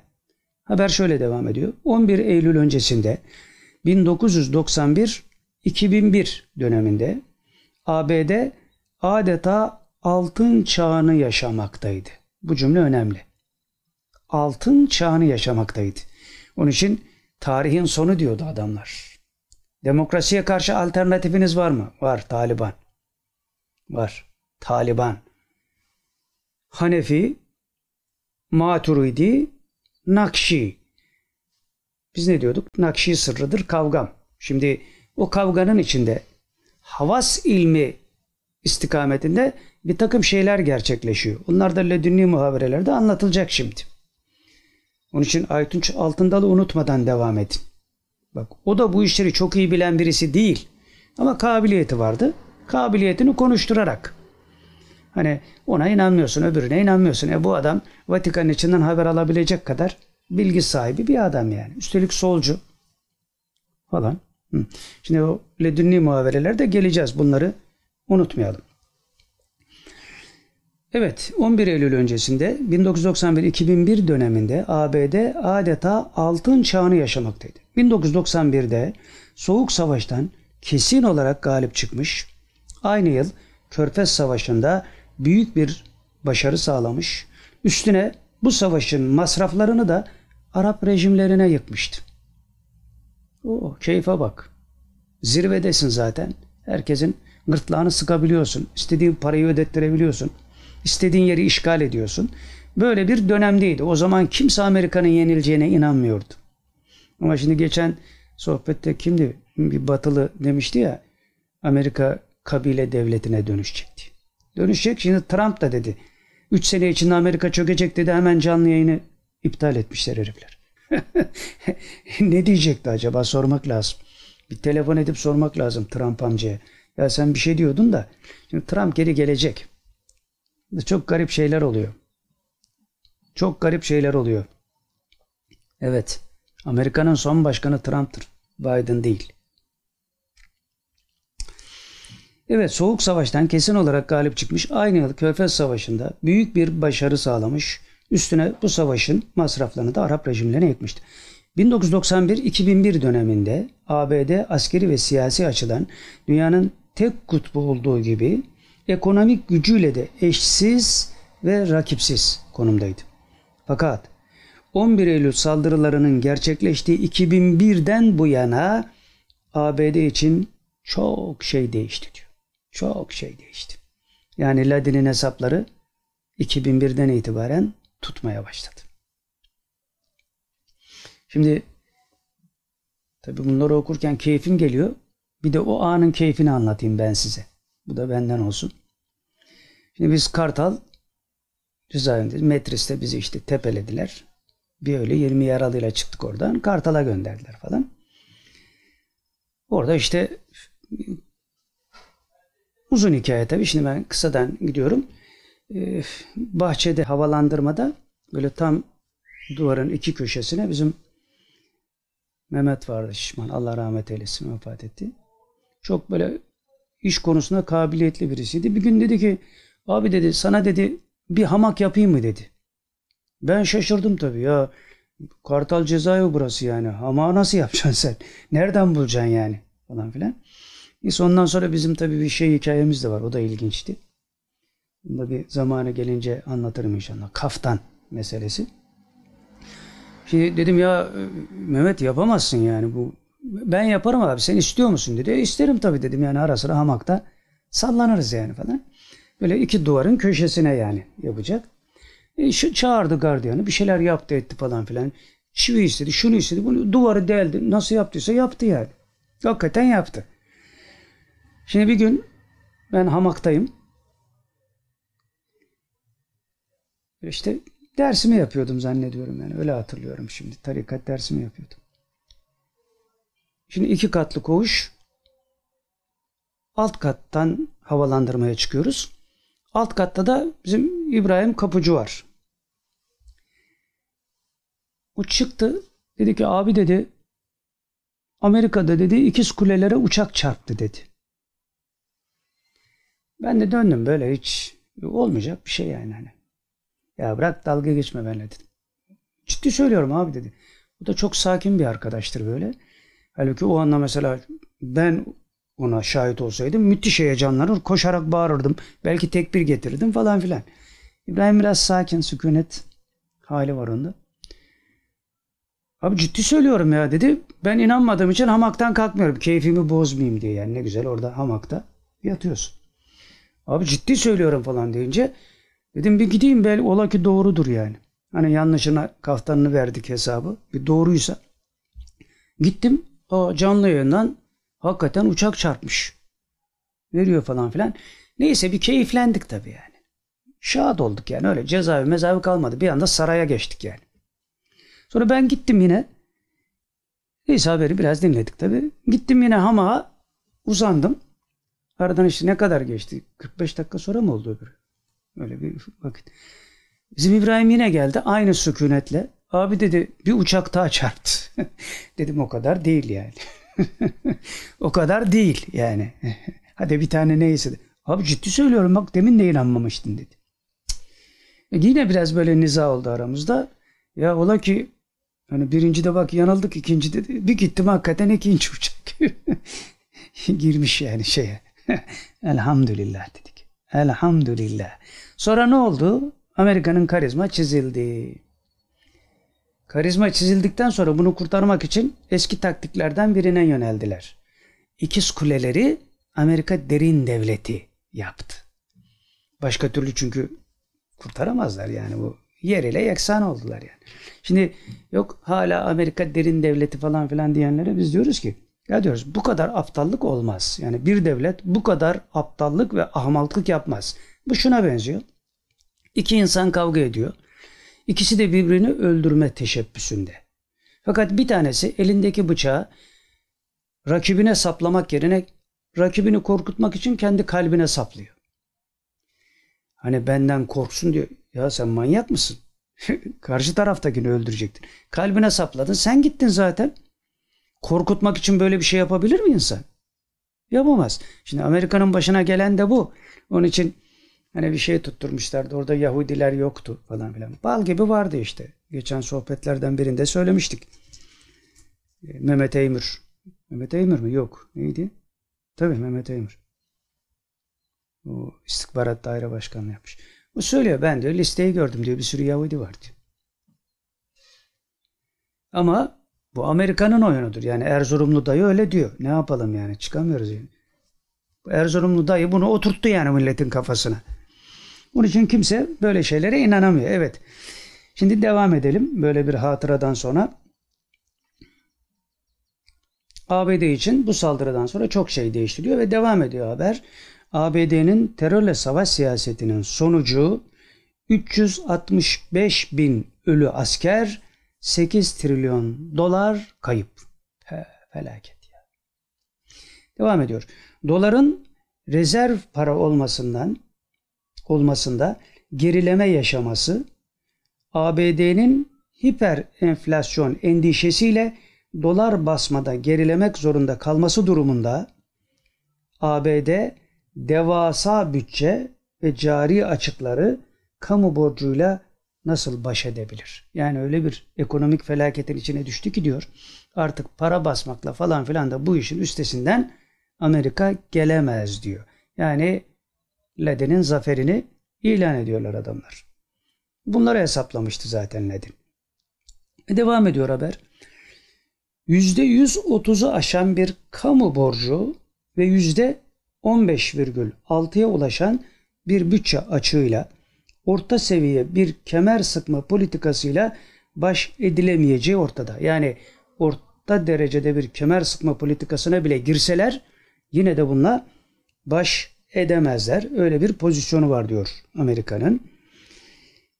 Baş edilemeyeceği ortada. Üstelik ABD halkı 1930'lu yıllardan bu yana kemer sıkma politikası görmemiş, refah içinde yaşamaya alışmış bir halk. Yani çikolatası olmadan savaş edemeyen askeri var heriflerin. Ve devam ediyor. Bazı uzmanlar sıkı bir kemer sıkma politikası ihtimali durumunda eğer orta derecede değil de biraz üst derecede bir kemer sıkma politikasına girerlerse diyor Teksas ve Kaliforniya gibi bol nüfuslu önemli ve zengin eyaletlerin ABD'den ayrılma taleplerinin bile gündeme geleceğini belirtiyorlar. Kabile devleti olacak demişti ya adam bir Avrupalı. Oraya doğru gidiyorlar yani.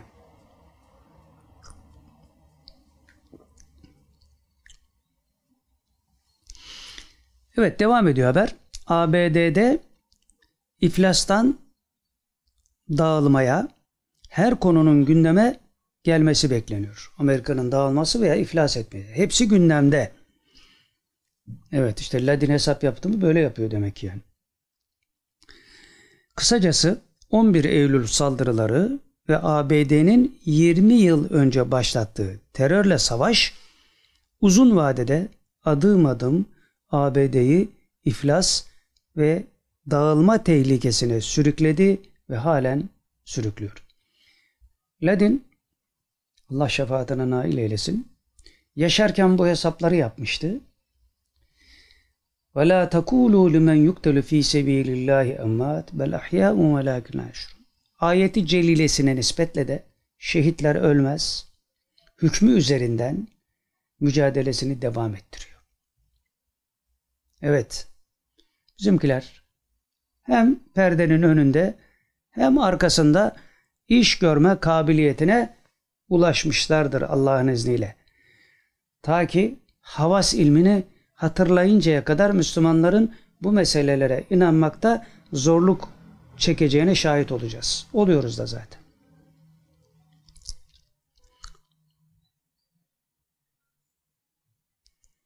Evet. Şimdi hatırlayalım. Bir batılının temin söylediğimiz şeyi buraya not almışız. Diyordu ki Amerika Birleşik Devletleri bu gidişle kabile devletine dönüşecek. E bir ironi yapalım burada. Yok canım bütün bunlar Amerika'nın başına gelmemiştir. Böyle bir şey olmamıştır ya. Yani Afganistan'dan çıktı mı hakikaten? Doğru mu? Olmadı ya böyle bir şey. Amerika'nın oyunudur bu gene. Yani bu ekonomik çöküşler falan filan bunlar palavra atıyorlar ya. Amerika'nın düşmanı bunlar ya. Onun için yapıyorlar bunları yani. Yoksa Amerika'nın başına bir şey gelmiş değil. Hatta şu da gelmedi. Bir kabile devleti gibi başkanlık sarayı bile basılmadı orada. Değil mi? O da olmadı. Şimdi dönelim buraya. Burada Ayasofya açılmadı değil mi? Açıldı diye iddia eden mi var yoksa? İstiklalimizin remzi olan bir mekandı. Açıldı mı? Ya Amerika'nın oyunu dersen açılmadı diyeceksin de. Açıldı öyle biliyoruz yani. Gittik namaz kıldık falan. Önceden böyle gittiğinde böyle bir biraz halinden şüphe etmişlerse hemen etrafında dolaşıyorlardı. Bu şimdi bir tekbir atar namaz kılar diye millete hani öyle yapanlar vardı ya. Yok canım Ayasofya'da açılmadı zaten. Şimdi Roma'da düşmeyecek zaten. Kudüs de alınmayacak zaten. Böyle bir şey yok ya. Kim uyduruyor bunları? İspanya'da teslim olmayacak. Bu hiç yok. Hiç yok zaten. Muhittin Arabi Hazretleri'nin ruhu orada ama. Orada doğdu.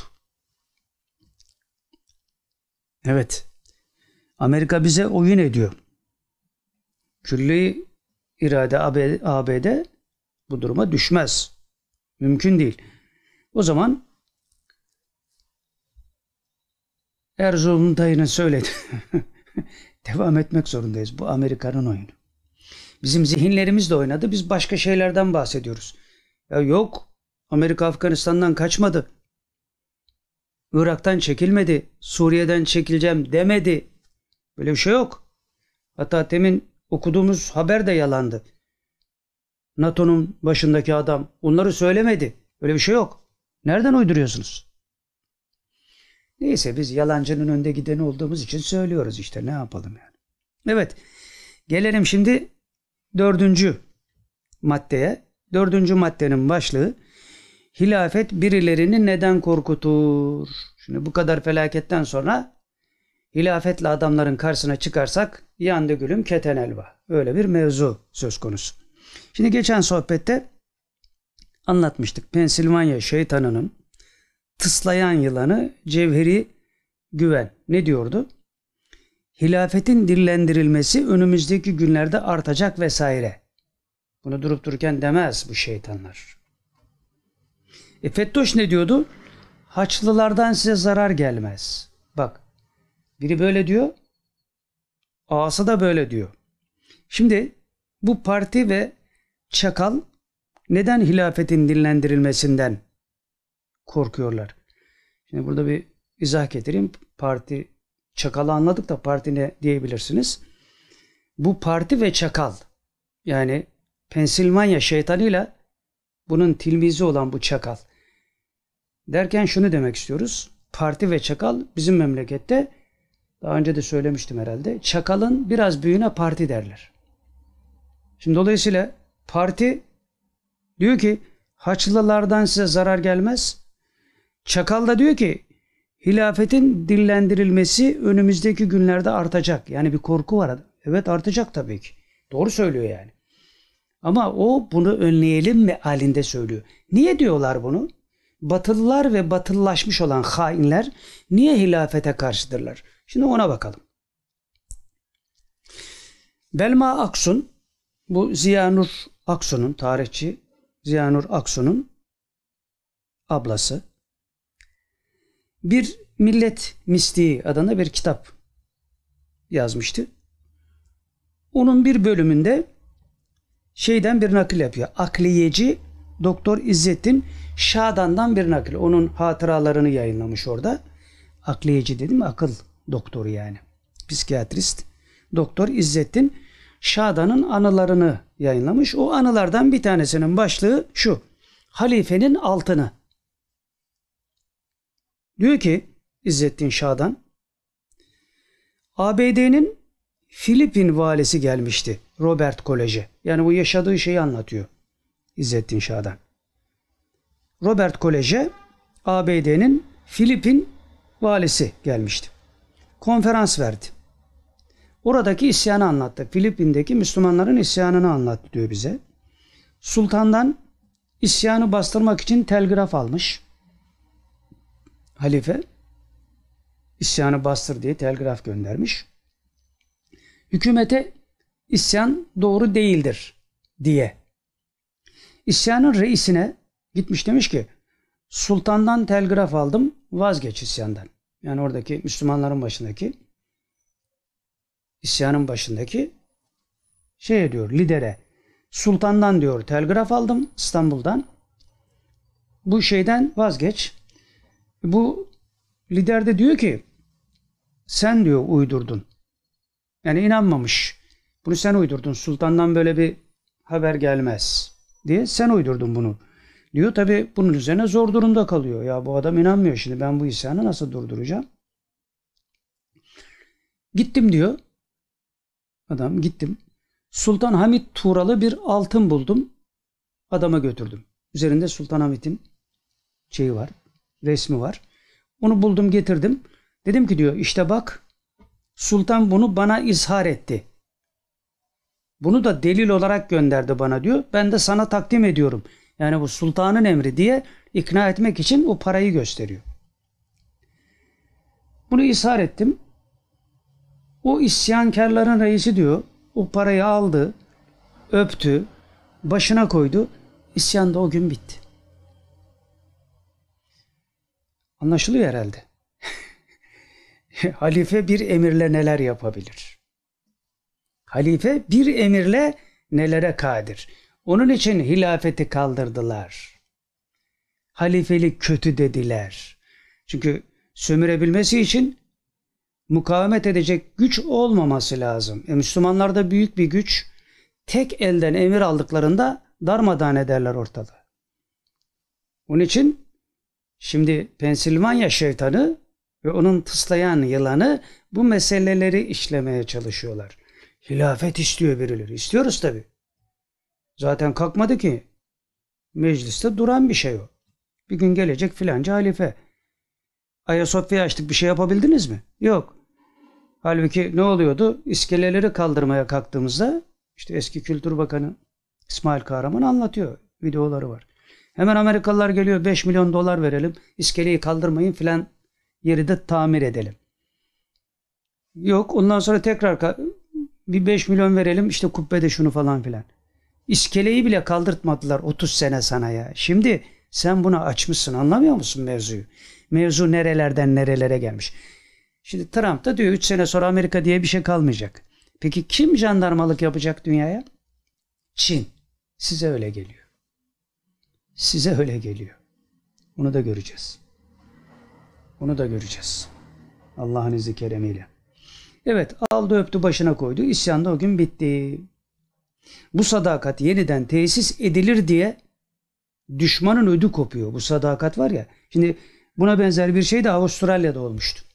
Halife cihat ilan etmiş. Bunu Avustralya'da yaşayan iki tane Türk nasıl gitmişlerse o dönemlerde oraya duymuşlar. Demişler bu farz yani cihat ilan edildi. Biz eğer savaşa girmezsek, gitmezsek vebal altında kalırız diye. Ne yapalım demişler. İşte orada bir yerlere saldırıyorlar. Yani kim daha çok zarar verir şimdi tam teferruatını hatırlamıyorum ama bir yere saldırıyorlar falan. Onları da öldürüyorlar. Fakat Avustralyalılar o kadar hoşlarına gidiyor ki ya bu nasıl bir sadakat, bu nasıl bir kahramanlık diye adamların heykellerini yapmışlar orada. Hala duruyormuş yani. Evet şimdi hilafetten onun için korkuyorlar. Bu hilafet geri gelecek. Hani o, kedi buraya gelecek. Veya o fettoş buraya gelecek diyoruz ya. Şimdi hepsi gelecek. Başka çareleri yok. Evet şimdi beşinci bölüm ve aktüel meselelerin son bölümü Kendirci'den gelen belgeler. Ee, bu sefer Kendirci Tevbe suresinin birinci ayetiyle 12. ayetini işlemiş. Fakat bu sefer geçen gönderdiği verilerden daha farklı bir şey var. Bunları biz de çözemiyoruz. Rakamların altına Tevbe suresinin harflerini yazmış. Yani Beraetun minallahi diye başlayan işte B'yi 14'ün altına Ra 15 bunları böyle dizmiş.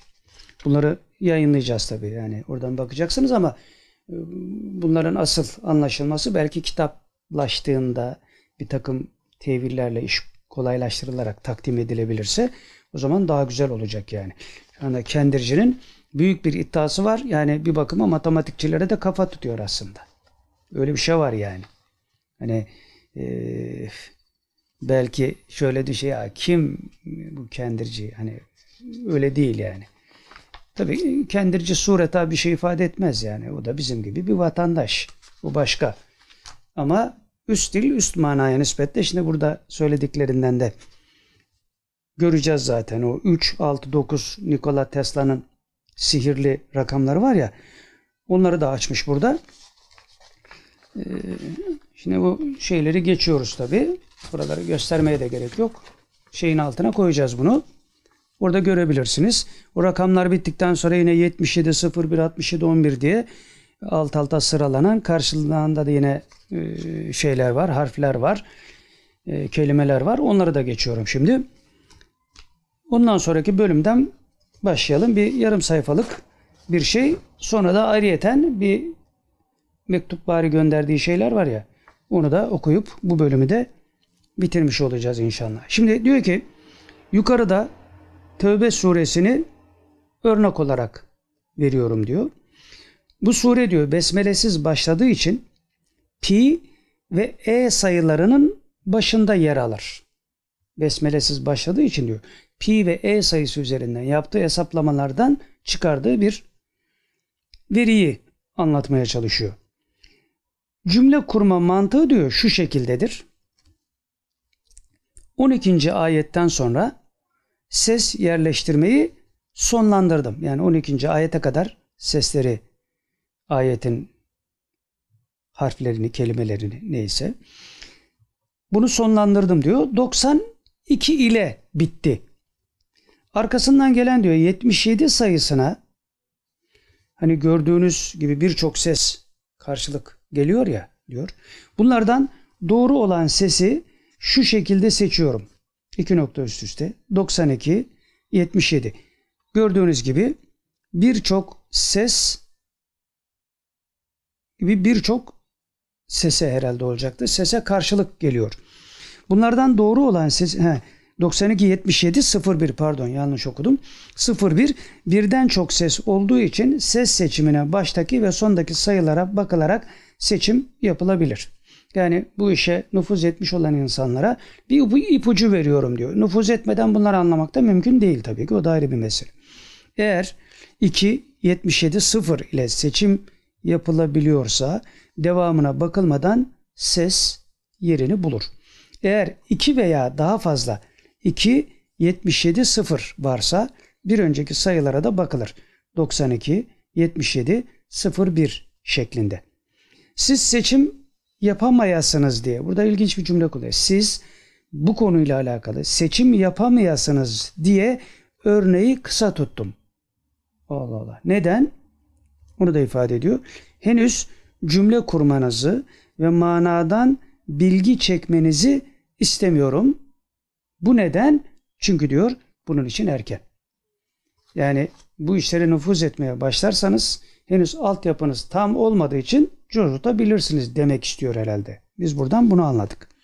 E devam ediyor. Bu istikametten gelerek devam ediyor tabii şimdi. Bu nispeti kurduğumuz zaman bu söylenenler bir şey ifade eder. Veliler diyor Allah dostları Çin, ABD, uzay gibi uzak diyarlarla oturdukları yerden iletişim kuruyorlardı. Normal insanlar da bunu telefon, bilgisayar, kamera gibi aygıtlarla bilgi ve teknolojilerinin yardımıyla yaptılar. Veliler mana aleminden bilgi veriyordu. Normal insanlar da mana aleminden bilgiye ulaşabilecek. Yani şimdi telefonla ulaşıyorlar diyor. Bu bizim anlattığımız hadiseler insanların, normal insanların da mana aleminden bu bilgilere ulaşmasına yol verecek diyor. Hani önceden veliler yapıyordu diyor. Şimdi böyle bir zuhur gerçekleşiyor. Yani bunun zamanı yaklaşıyor demek istiyor. Zaten başında da söyledik teknolojide dinin lehine habire çalışıyor. Dolayısıyla bu hakikatler idrak edilecek. Onun için işte hep söylediğimizi bir daha hatırlatalım. Bu işlerden anlamıyorum ya işte tasavvuf falan filan diyene neyi tavsiye ediyoruz? Kuantum fiziğini. Hı. Buralardan bakılabilir. Kuantum mananın ehemmiyetini artık hissettirir oldu. Dolayısıyla Ehlullah böyle yaptı. Ya burun kıvırıyor ama Nikola Tesla böyle dedi. Dur bir bakalım. Nikola Tesla da ruhi güçleriyle yapıyordu bunu ama istitraç kabilinden. Bunun hayatını anlatırken de değinmiştik bu meselelere zaten. Evet. Yani bir sinek bir kartalı kaldırdı vurdu yere diyor ya Yunus Emre Hazretleri. Ha, şimdi sinekler kartalları kaldırıp kaldırıp vuruyorlar. Fakat bazı sinekler de sineklerin böyle bir şey yapacağına inanamıyorlar. Bu da garip yani. İşte o meydan açılsın diye bir şeyler yaşanıyor. Biz de bunlara alet oluyoruz yani. İyi ki oluyoruz. Evet şimdi geliyor Nikola Tesla'nın bu 3 6 9 formülüne yani bunun hakikati bilinseydi diyor. 3 6 9'un formülü bilinseydi yani dünya yerinden oynardı mealinde bir şeyleri var Nikola Tesla'nın. Şimdi Kendirci de bunu anlatıyor. 3 6 9 yazmış ve şöyle demiş. Geçmişte size vaat ettiğim bir şey vardı. Onu biraz anlatayım diyor. 3. Şimdi 3'ü tarif ediyor. Diyor ki 3 akıl, ruh, mekan bağını kurar. Şimdi Tesla ne diyor onu bilmiyoruz. Ona da bakmak lazım. Kendirci böyle diyor. 3 akıl, ruh, mekan bağını kurar. Sadece pi ile bunu anlayabiliriz. Yani pi sayısını idrak ettiğimizde bunun hakikatini de anlayabiliriz diyor. Yani yüksek matematiğin devreye girmesi lazım yani. 6'ya geliyor. 3, 6, 9 dedik ya. 6 ise bu üçüne zamanı da ekler. Yani akıl, ruh, mekan bir de zaman devreye giriyor. Bu üçüne zamanı da ekler ve zaman bağını da kurar. Pi'nin E ile çarpımı diyor. Yukarıda sadece pi ile bunu anlayabiliriz diyordu. Bu dördüncünün katılmasıyla bunun anlaşılması pi sayısı ile e sayısının çarpımıyla anlaşılır diyor. Sonra 9'a geliyor. 9 ilahi yansımanın tümünü içine alır diyor. İlahi yansımanın tümünü içine alır, içine katar. Yani tüm boyutları birbirine bağlar. En geniş manayı temsil eder. Pi üzeri e. Yani birincide pi ile bunu anlayabiliriz diyor. İkinciyi yani altıyı pi'nin e ile çarpımıyla anlayabiliriz. Üçüncüyü ise dokuzu ise pi üzeri e. Yani üst dil, üst mananın artık hangi boyutu fizik kaideleri göre bilemiyoruz yani. Bu işlerden biz çok anlamıyoruz. Matematikçiler buyursun. Ha bir müddet sonra herkes anlayacak diyor kendirci yani. O da ayrı bir olay. Şimdi şöyle bitirmiş. Bunların dışında bu sabitlerle yapacağınız her işlem doğrudur. Bu sabitlerle yapacağınız her işlem doğrudur. Akıl bunu tasdik ediyor demek istiyor. Ulaştığınız her bilgi dolayısıyla doğrudur diyor. Örneğin misalen manadan ulaşılan bir bilgi mana yoluyla ulaşılan bir bilgi 18 bin alem var mesela. Mana yoluyla ulaşılmıştır. 18 bin alemi gören yok. Ama mana ile ulaşılmıştır. Doğrudur. Çünkü yanlıştıramazsınız. Yani bunu yanlı, bu bahsettiğim hesaba göre yanlışını çıkaramazsınız bu bilginin. Yani keşifteki bu bilgiyi bu ilimle doğrulayabilirsiniz. Dolayısıyla aklın devrede olduğu bir hamle fakat akli selime bağlı olarak iş yaparken bu hakikatlere nüfuz edebiliyor akıl. Başka türlü yol bulamaz. Onun için 18 bin alem vardır, haktır, doğrudur. Nikola Tesla'nın 3, 6, 9'uyla buna ulaşmak mümkündür. Ama bunun ledünni olarak bilgilerine malik olmak lazım. Çünkü Tesla da zaten ruhani bilgilerle bunları yapıyordu. Onu da inkar etmiyorlar zaten. Ruhani güçleri vardı. Es-salavat el-Fatiha diye bitirmiş. Evet. Burada bir not düşmüşüz. Yani akıl yönüyle de bütün meseleler pi ve e sayısı üzerinden ayan olacak. Kendircinin söylediklerinden bunu anlıyoruz. Ve Kendirci'den son bölüm Selamun Aleyküm diye başlamış. Öncelikle bir soruyu cevaplayayım diyor. Geçmişte kurduğum cümle bu tayı mekanla alakalı bir soru sorulmuştu. Geçen sohbette de buna bir izah getirmeye çalıştık. Şimdi Kendirci de bu meseleye tekrar değinmiş. Yanlışı düzeltmek babından. Geçmişte kurduğum cümle cismen tayı mekan kalktı. Ruhen tayı mekan ve tayı zaman devam etmekte. Hani birisi sormuştu madem tayı mekan kalktı siz nasıl nöbetlere gidiyorsunuz? İşte Orta Asya'da nöbet var bilmem ne kıtasında falan filan hani bunlar nasıl oluyor diye. Cismen tayı mekan kalktı fakat ruhen tayı mekan ve tayı zaman devam etmekte ki geçen sohbette buna biz de değinmiştik, açmaya çalışmıştık ve devam ediyor. Cümle gayet açık. Soruyu soran sanırım önceki sohbetleri dinlememiş. Tüm vazifeyi ruh görmekte, beden olduğu yerde durur, ruhen orada hazır bulunur. Mesele bundan ibaret diyor. E, ilim ilim bilmektir. İlim kendim bilmektir demiş ya Yunus Emre diyor. Bu zaviyeden bakmak lazım meselelere demek istiyor. İşte Yunus Emre de bunun için bu sözü söylemiştir diyor. Kişi kendi ruhunun frekansını yakalamışsa ermiş demektir.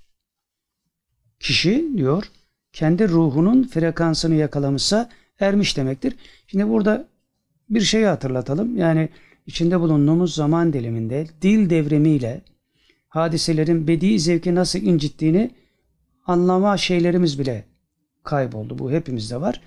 Kendirci de burada e, iki kelimeyi aynı terkip içinde kullandığı için bir anda hissiyatıma bedi zevkin incindiği geldi. Bunu ben de çünkü daha önce yaptım. Bolu cezaevindeyken e, Muhammed Efendi Hazretlerine bir mektup yazmıştım bir vesile ile.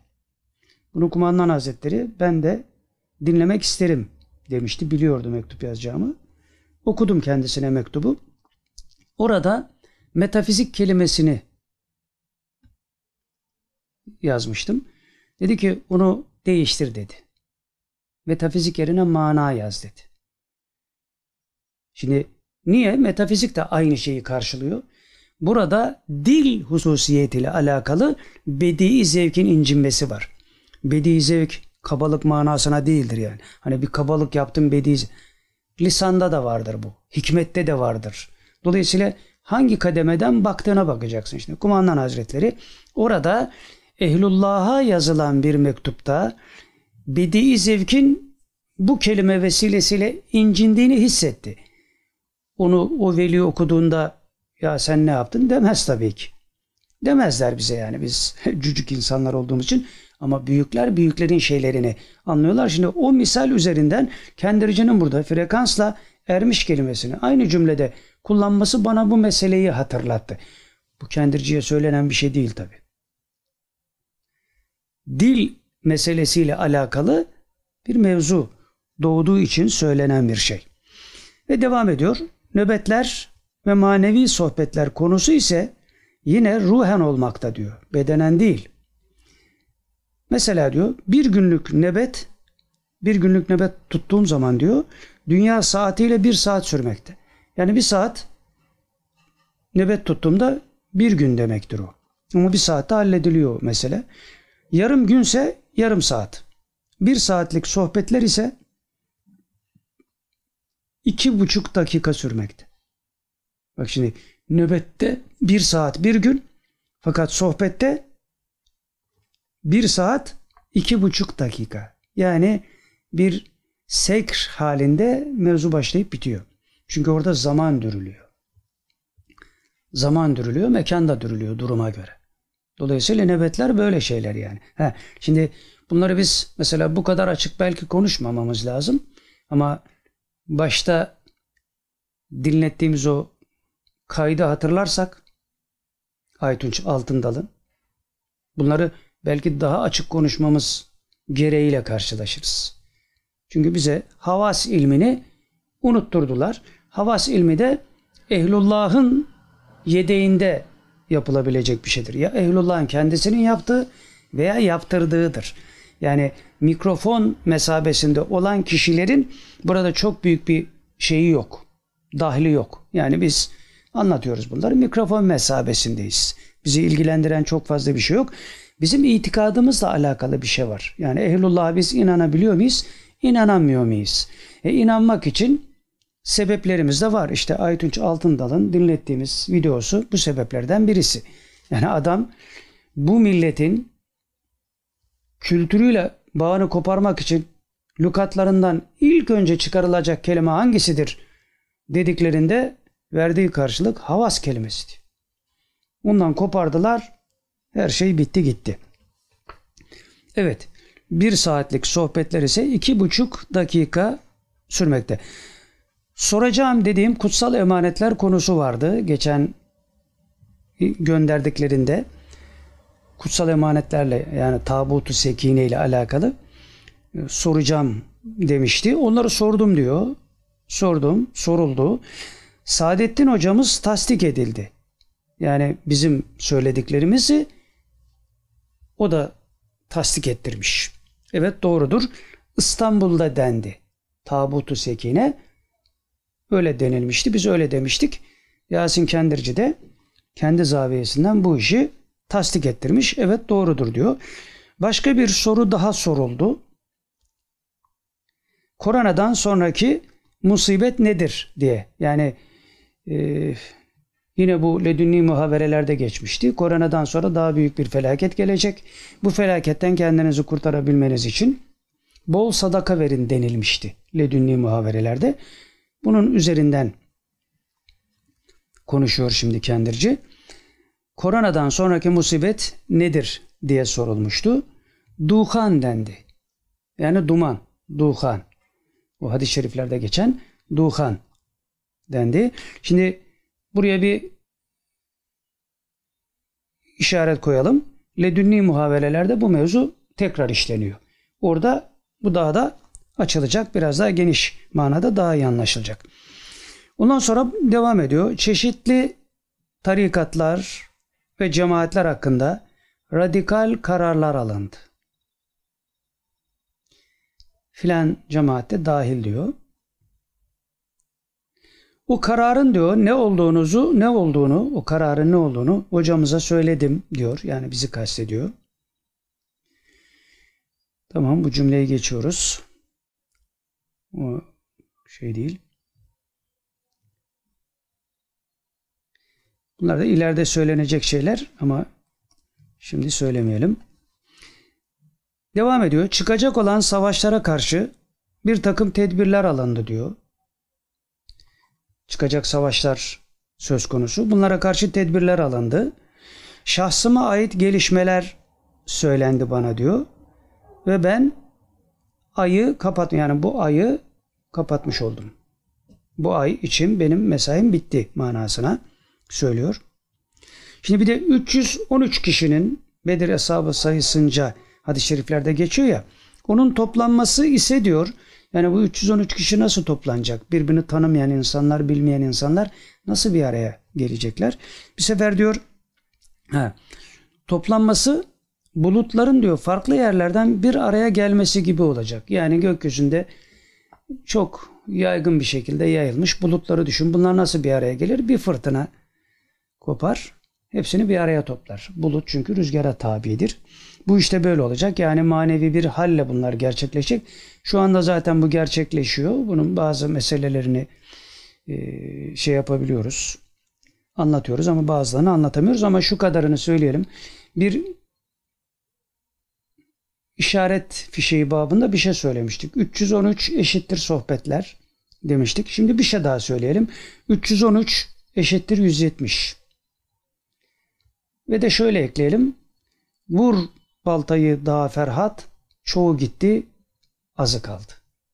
Elhamdülillah. Bunlar Amerika'nın oyunu değil. Bunlar Amerika'nın oyunu değil. Vallahi değil, billahi değil, tallahi değil. Aklımızı başımıza devşirmek zorundayız. Ha söyleyeceğiniz bir şey varsa söyleyin tabii. Allah rızası için söyleyin. Biz de Allah rızası için söylemeye çalışıyoruz. Eğer maksadımızı böyle anlatamıyorsak herkesten de özür dileriz. Allah'tan da af dileriz. Başka bir girdaba girdi dünya.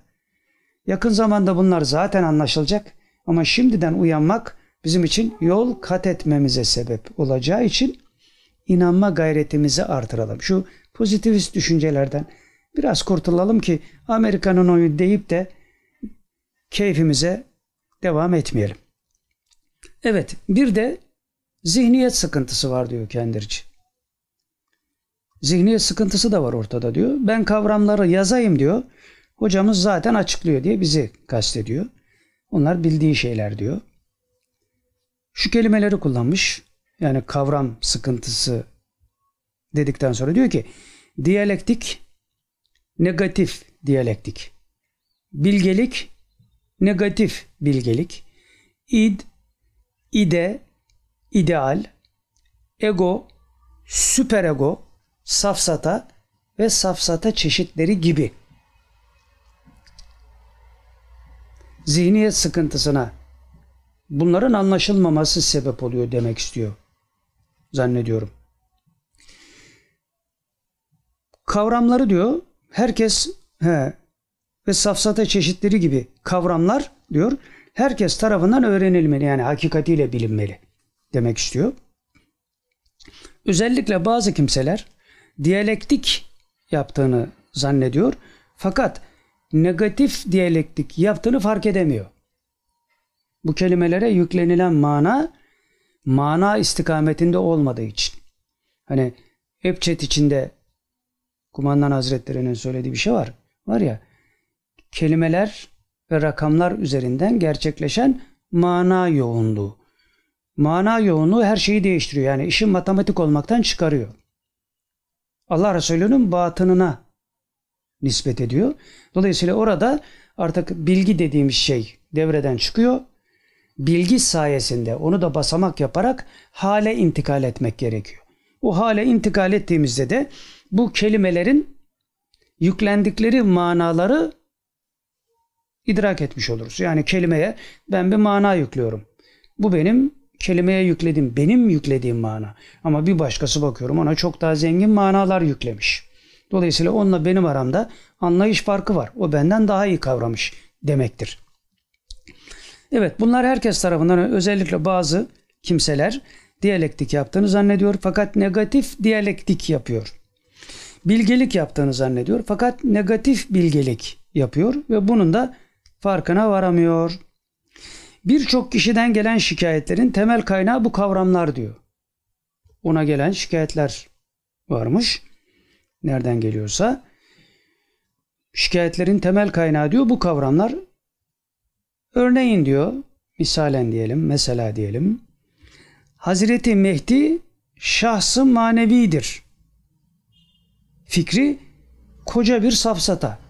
Şimdi bu şahsi manevi meselesini ilk önce çıkaran kimdi? Said Nursi Hazretleri'nin fikrini tepelemek için Fettoşiler çıkarmıştı bunu. Yani Pensilvanya'daki şeytan çıkarmıştı. Şimdi böyle şeyler söyleniyor diyor. Ee, Mehdi şahsı manevidir. Fikri diyor koca bir safsata. Yani bu kelimelere doğru mana yüklenemediği için. Yani hal ifadesinde bu kelimeler ele alınamadığı için demektir. Akılla böyle bir yükleme yapılabilir. Ee, ama diyor bunlar doğru şeyler değil. Çünkü hali gerektiren mevzulara kuru akılla yönelemezsin. Akıl orada bocalar ama yanlışın da doğrulanabilir bir tarafı var diyor ya kumandan hazretleri.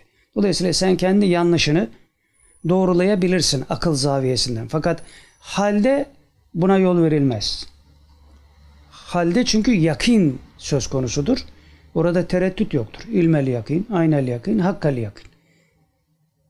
Bunlara ulaştığı zaman insan ayağını sabit ede yani Allah'ın ezeli bilgisinde var olanı kader sırrı çerçevesinde hissetmeye başlarsın veya görürsün. Buna göre hareket edersin. Mehdi Aleyhisselam'la alakalı bir şey söylediğinde bu zaviyeden söylersin. Yoksa hadis-i şerif böyle diyor. Dolayısıyla ben bundan şunu çıkardım diyebilirsin. Şimdi böyle diyemeyeceğimizi anlatan muhteşem bir diyalog var. Ledünni muhaverelerde. Muhteşem. Biz de şaşırdık. Yani tevilin ne olduğu böyle anlatılmamıştır zannediyorum bugüne kadar. Yani kitaplarda böyle bir şey görmedik. E, varsa da biz görmedik yani. Evet. Örneğin diyor Hazreti Mehdi şahsı manevidir fikri koca bir safsata. Şimdi burada bir incelik var. Güzel bir incelik aslında işte nüanslar dediğimiz şeyler hani e, sebeple sonuç arasındaki mesafeyi insanlar okla yay arasındaki mesafe kadar yakın zanneder diyor ya. Şimdi sebep sonuç. Okla yay içine iç içe girdiğine göre sebeple sonuçta iç içe zanneder insanlar diyor. Halbuki öyle değil. Sebeple sonuç arasında milyonlarca nüans var. O nüansların içinde de nüanslar var. O nüansların içindeki nüansların içinde de nüanslar var. İlâ ahir. Öyle gider. Hikmet zaten bu demek. Kuru akılla iş yapmamak. Kuru akıl hemen birleştirir. Okla yay kadar yakın zanneder. Şimdi burada da bu manada bir incelik söz konusu. Mesela Mehdi Aleyhisselam şahsı manevidir diyen birisi temin bahsettiğimiz 330 kişi eşittir 170 demiştik ya o 170'in içinde olma ihtimali var. Yani o Mehdi Aleyhisselam'a şey diyor. Şahsı manevidir. Yok böyle birisi. Diyor. Olabilir. Ama aynı zamanda da bu 313 kişilik kadronun içindeki 170'in içinde olabilir. Böyle incelikler de var. İşte bu nüanslar ayrıldığında yani nüans fizikte başkadır. Manada başkadır. Zahirde başkadır. Batında başkadır. İlimde başkadır. Halde başkadır. İhsan da başkadır. İrfan da başkadır. Var oğlu var yani. Gidebildiğin kadar gidersin. Şimdi bu diyor bu şahsı manevi fikri koca bir safsata, kaşıyla, gözüyle, boyuyla, posuyla tarif edilmiş Mehdi Aleyhisselam diyor. Buna rağmen sen ne demek istiyorsun diyor. Her şeyle Allah Resulü tarif etmiş Mehdi Aleyhisselam. Benim evlatlarımdandır diyor. Ondan sonra devam ediyor kendisi. Ehli sünnetim diyor. Hadiseleri komple reddettiğinin farkına bile varamıyor diyor böyle insanlar. Kimlerse onlar. Yani hem ehli sünnetim diyeceksin hem de yani hadis-i şeriflerde net tarif edilmiş. Bir de üst dil üst manaya göre hadis-i şerifler terennüm edilmeli. E bu da hal gerektiren bir şey. Sen de hal olmadığına göre nasıl cesaret ettin, nasıl teşebbüs ettin bir de bunlar var tabii ki. Yani orada biraz dikkat etmek lazım ayağımızın kaymaması için. Kendirici bunu hatırlatıyor aslında. Hepimiz için geçerli bunlar tabii ki. Farkına bile varamıyor diyor bunun. Ve şöyle bitirmiş. Bir takım nurcular, bir takım Süleymancılar, hatta bir takım iptacılar bu şekilde saçma sapan bir haldeler fakat farkında değiller diyor. Böyle de bitirmiş oluyor. Şimdi geldik dördüncü dersimize. Ne kadar oldu? 1.50. Hmm. Evet. Bunu da biraz hızlı gidelim.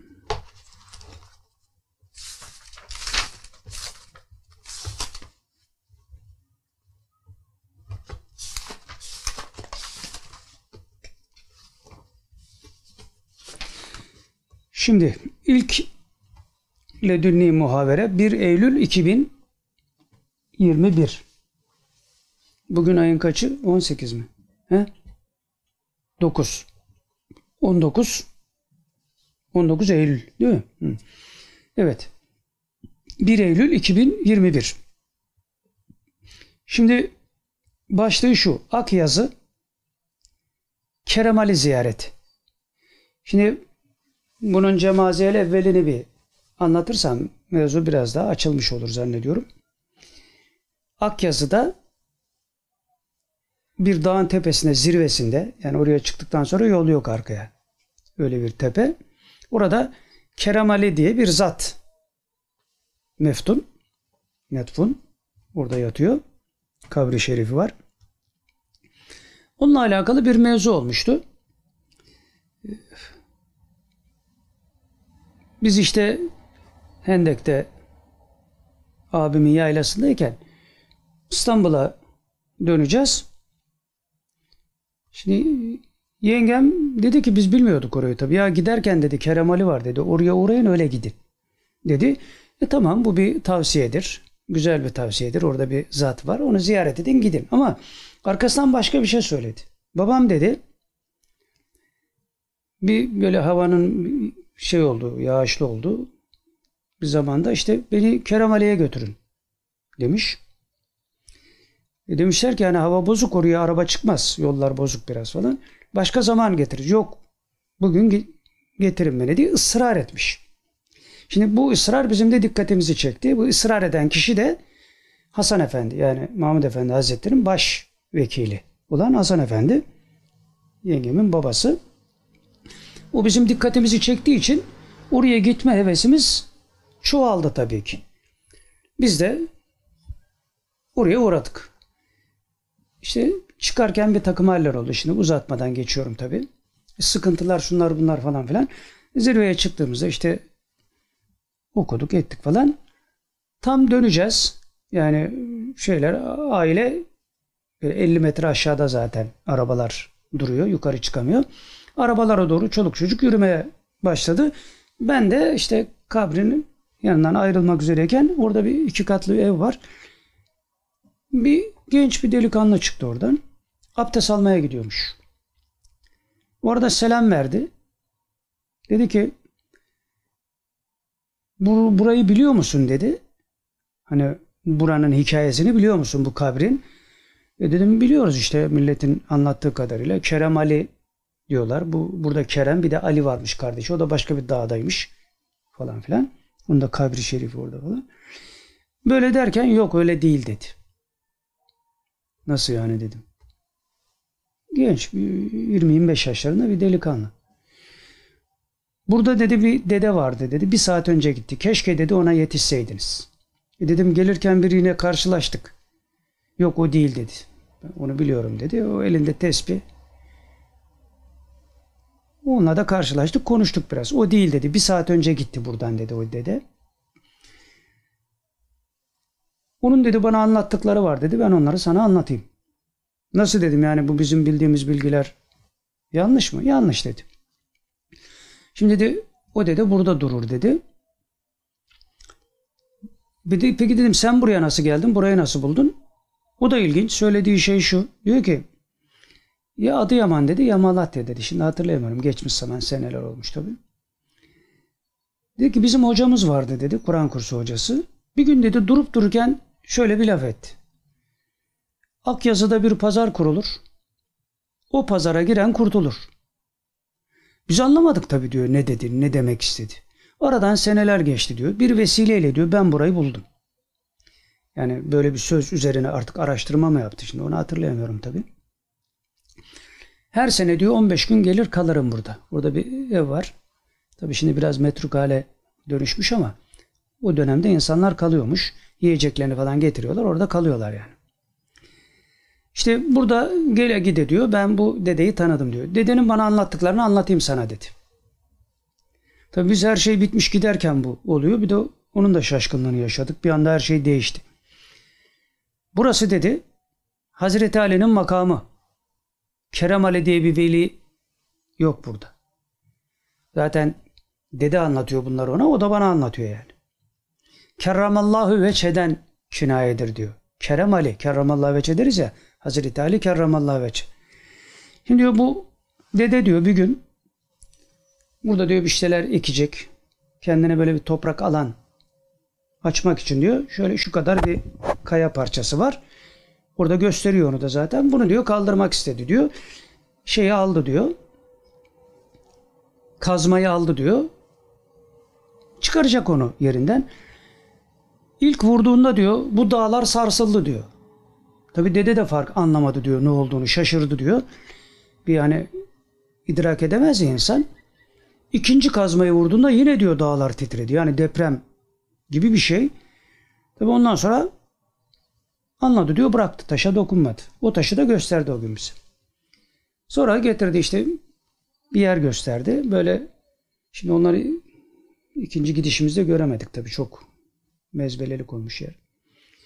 Şöyle bir şeyi kaya parçasını sanki hamuru kılıçla kesmişin gibi, bıçakla kesmişin gibi şöyle bir şey var. Yarık var. İşte biri İstanbul'u, biri Bursa'yı gösteriyor dedi. İkisi de payitahttır dedi. Bunun hikmeti de odur demiş dede. Sonra dedi ki Hazreti Ali Kerramallahu Veçe'nin dünyada kabri yoktur. Makamı çoktur. Bir hikaye anlattı. Ne kadar doğru bilmiyoruz. Hazreti Ali Kerramallahu Veçe vasiyet etmiş. Ben vefat ettiğimde beni kefenleyin bir deveye koyun bırakın gitsin. Öyle yapmışlar. Bir deveye yüklemişler. Gitmiş. Şimdi gel dedi bir şey göstereyim sana. Biraz aşağıya götürdü beni. Kayayı görüyor musun dedi. İlk bakışta deveye benzetiyorsun zaten. Bu da ilginç. Derken bu minvalde birçok şeyler anlattı. Tabi gittikçe bizim şaşkınlığımız arttı. Allah Allah tam giderken bu çocuğun bize rastlaması, bilgilerin bir anda değişmesi falan falan falan. Ondan sonra neyse bunları bir gün Kumandan Hazretlerine de anlatmıştım tabi. Bir gün beraber gidelim inşallah dedi. Tabi nasip olmadı. Bu dünya alakası içinde böyle bir şey bir fırsat bulamadık. Şimdi bu anlattığım hadiseye nispetle 1 Eylül 2021 muhaveresine geçiyoruz. Oradaki muhavere. Soru şu. Birinci soru. İslam'ın zaferiyle ilgili bir müjde var mıdır? Verir misiniz? Mealinde. Cevap şu. İstihareleriniz ve istişareleriniz doğruluk ile neticelensin. Hayırla noktalansın. Dua ediyorlar yani ve devam ediyorlar. Çok büyük zaferler gelecek yakın zamanda. çok büyük zaferler gelecek yakın zamanda. Ve devam ediyorlar. Mevla bunlara bizleri de müdahil olanlardan eylesin inşallah. Biz de bunu bekliyoruz. Bu müjdeler ile umut üzereyiz. Soru şu, inşallah dedikten sonra. Küffarın hükmü kalkmak üzeredir inşallah. Öyle midir? Cevap, çok yakında inşallah. Soru şu inşallah dedikten sonra.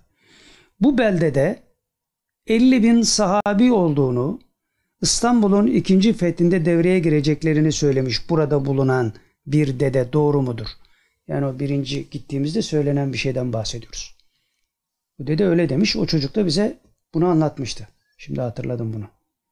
Bu bölgede diyor 50 bin sahabi var. İstanbul'un ikinci fethinde bunlar harekete geçecekler. Bu doğru mudur diye bir soru. Cevap aynen şöyle. Bilahere hayatın içindedirler ve oradadırlar. Şu anda hayatın içindedirler. Yani bu faaliyet demektir. Soru şu. O dedeyi biz görmedik. O kimdi? Burada kalırmış eskiden. Cevap şu. Bir Allah dostuydu. Hızır Aleyhisselam ile de arkadaştı. Soru şu. Peki yaşıyor mu? Cevap. Yaşıyor ama orada değil. Yani Keremali'de değil. Başka bir mekan edindi kendine. Kimsenin bilmesini istemediği bir mekan. Soru şu. Burası onsuz harabeye dönmüş. Burayı tanıyamadık. Evin duvarında asılı bir tabela var. Orada da bir liste. Yedi kişilik bir liste. Birincisi Erenler Dede Hazretleri. İkincisi Kerem Ali Hazretleri. Üçüncüsü Dur Hasan Hazretleri. Dördüncüsü Sarı Dede Hazretleri. Beşincisi Yakup Dede Hazretleri. Altıncısı Ak Yazılı Sultan Dede Hazretleri. Yedincisi de Selman Dede Hazretleri. Bu zatlar da burada mıdırlar? Yani oradaki şey soruluyor. Cevap şu. Orada isimleri yazılanlar orada olanlardandır. Evet onlar da orada. Bu zatlar da o çevrede yani. Böyle mevzu bitmiş oluyor. Şimdi bununla birlikte tabii söylenecek ve anlatacak, bunları tahkim edecek çok daha fazla şey var. Bunları geçiyoruz. Evet, şimdi 7 Eylül 2021 bunu çok kısa bir özetle anlatabilir miyim bilmiyorum. Yani değinmemem lazım. İki sayfalık bir şey çok önemli. Yani burada yok. Söylenecek hiçbir şey yok. Bazı yerleri işaretlemişim ama gerisini getirmezsem hiç anlaşılmayacak. Ama şu kadarını söyleyeyim. Cemaatlerle ilgili fanatik değişimler söz konusu. Fanatik diyorum. Bu kadar. Bu kelime belki derdimizi anlatmaya yeter diye düşünüyorum. Yani bu fanatik değişiklikler herkesi çok şaşırtacak. Yani belki şaşırabilirler demiyoruz. Şaşırtacak yani. Önümüzdeki zaman dilimlerinde bunlar gerçekleşecek. Ama şöyle de bir şey söylüyorlar. Fanatik değişim ama bir suhuletten de bahsediyorlar. Yani değişiklik umumiyen bir değişiklik ama patırtı kütürtüye sebep olmadan suhuletle bu fanatik değişimler gerçekleşecekmiş. Evet. 8 Eylül 2021'e geldik. Bu muhaberenin başlığı Tabutu Sekine ve istihbaratçılarımız. Burada istihbaratçılarımıza da güzel bir müjde var yani. Bunlar ne kadar farkındadırlar bilemeyiz ama biz de onları tanımayız zaten. Onlar da bizi tanımaz. Biz buradaki hakikatleri anlatmaya çalışıyoruz. Soru şu. Tabutu Sekine'nin tesiri şu an itibariyle var mıdır? Varsa tesiri nasıl hasıl oluyor? Maddi mi manevi mi? Çünkü tabutu sekine biliyorsunuz hangi ordunun elinde olursa onun zaferi mutlaktır. Dolayısıyla herkes bunun peşine düşmüş vaziyette. Soru da bu minvalde soruluyor. Cevap şöyle geliyor. Tesiri var şu anda tabutu sekinenin ama çok az. Kimse bunu hissedemiyor, tanımlanamıyor. Yani hem hissedilemiyor, hissedilse bile tanımlanamaz. Yani ondan olduğuna dair insanlar bunu idrak edemezler. Soru şöyle geliyor. Hissedilecek zaman yakın mıdır peki? Yani tabutu sekinenin tesirini insanların, Müslümanların hissedeceği zaman yakın mıdır? Cevap şu. İlerleyen zamanlarda olacak. Soru şu.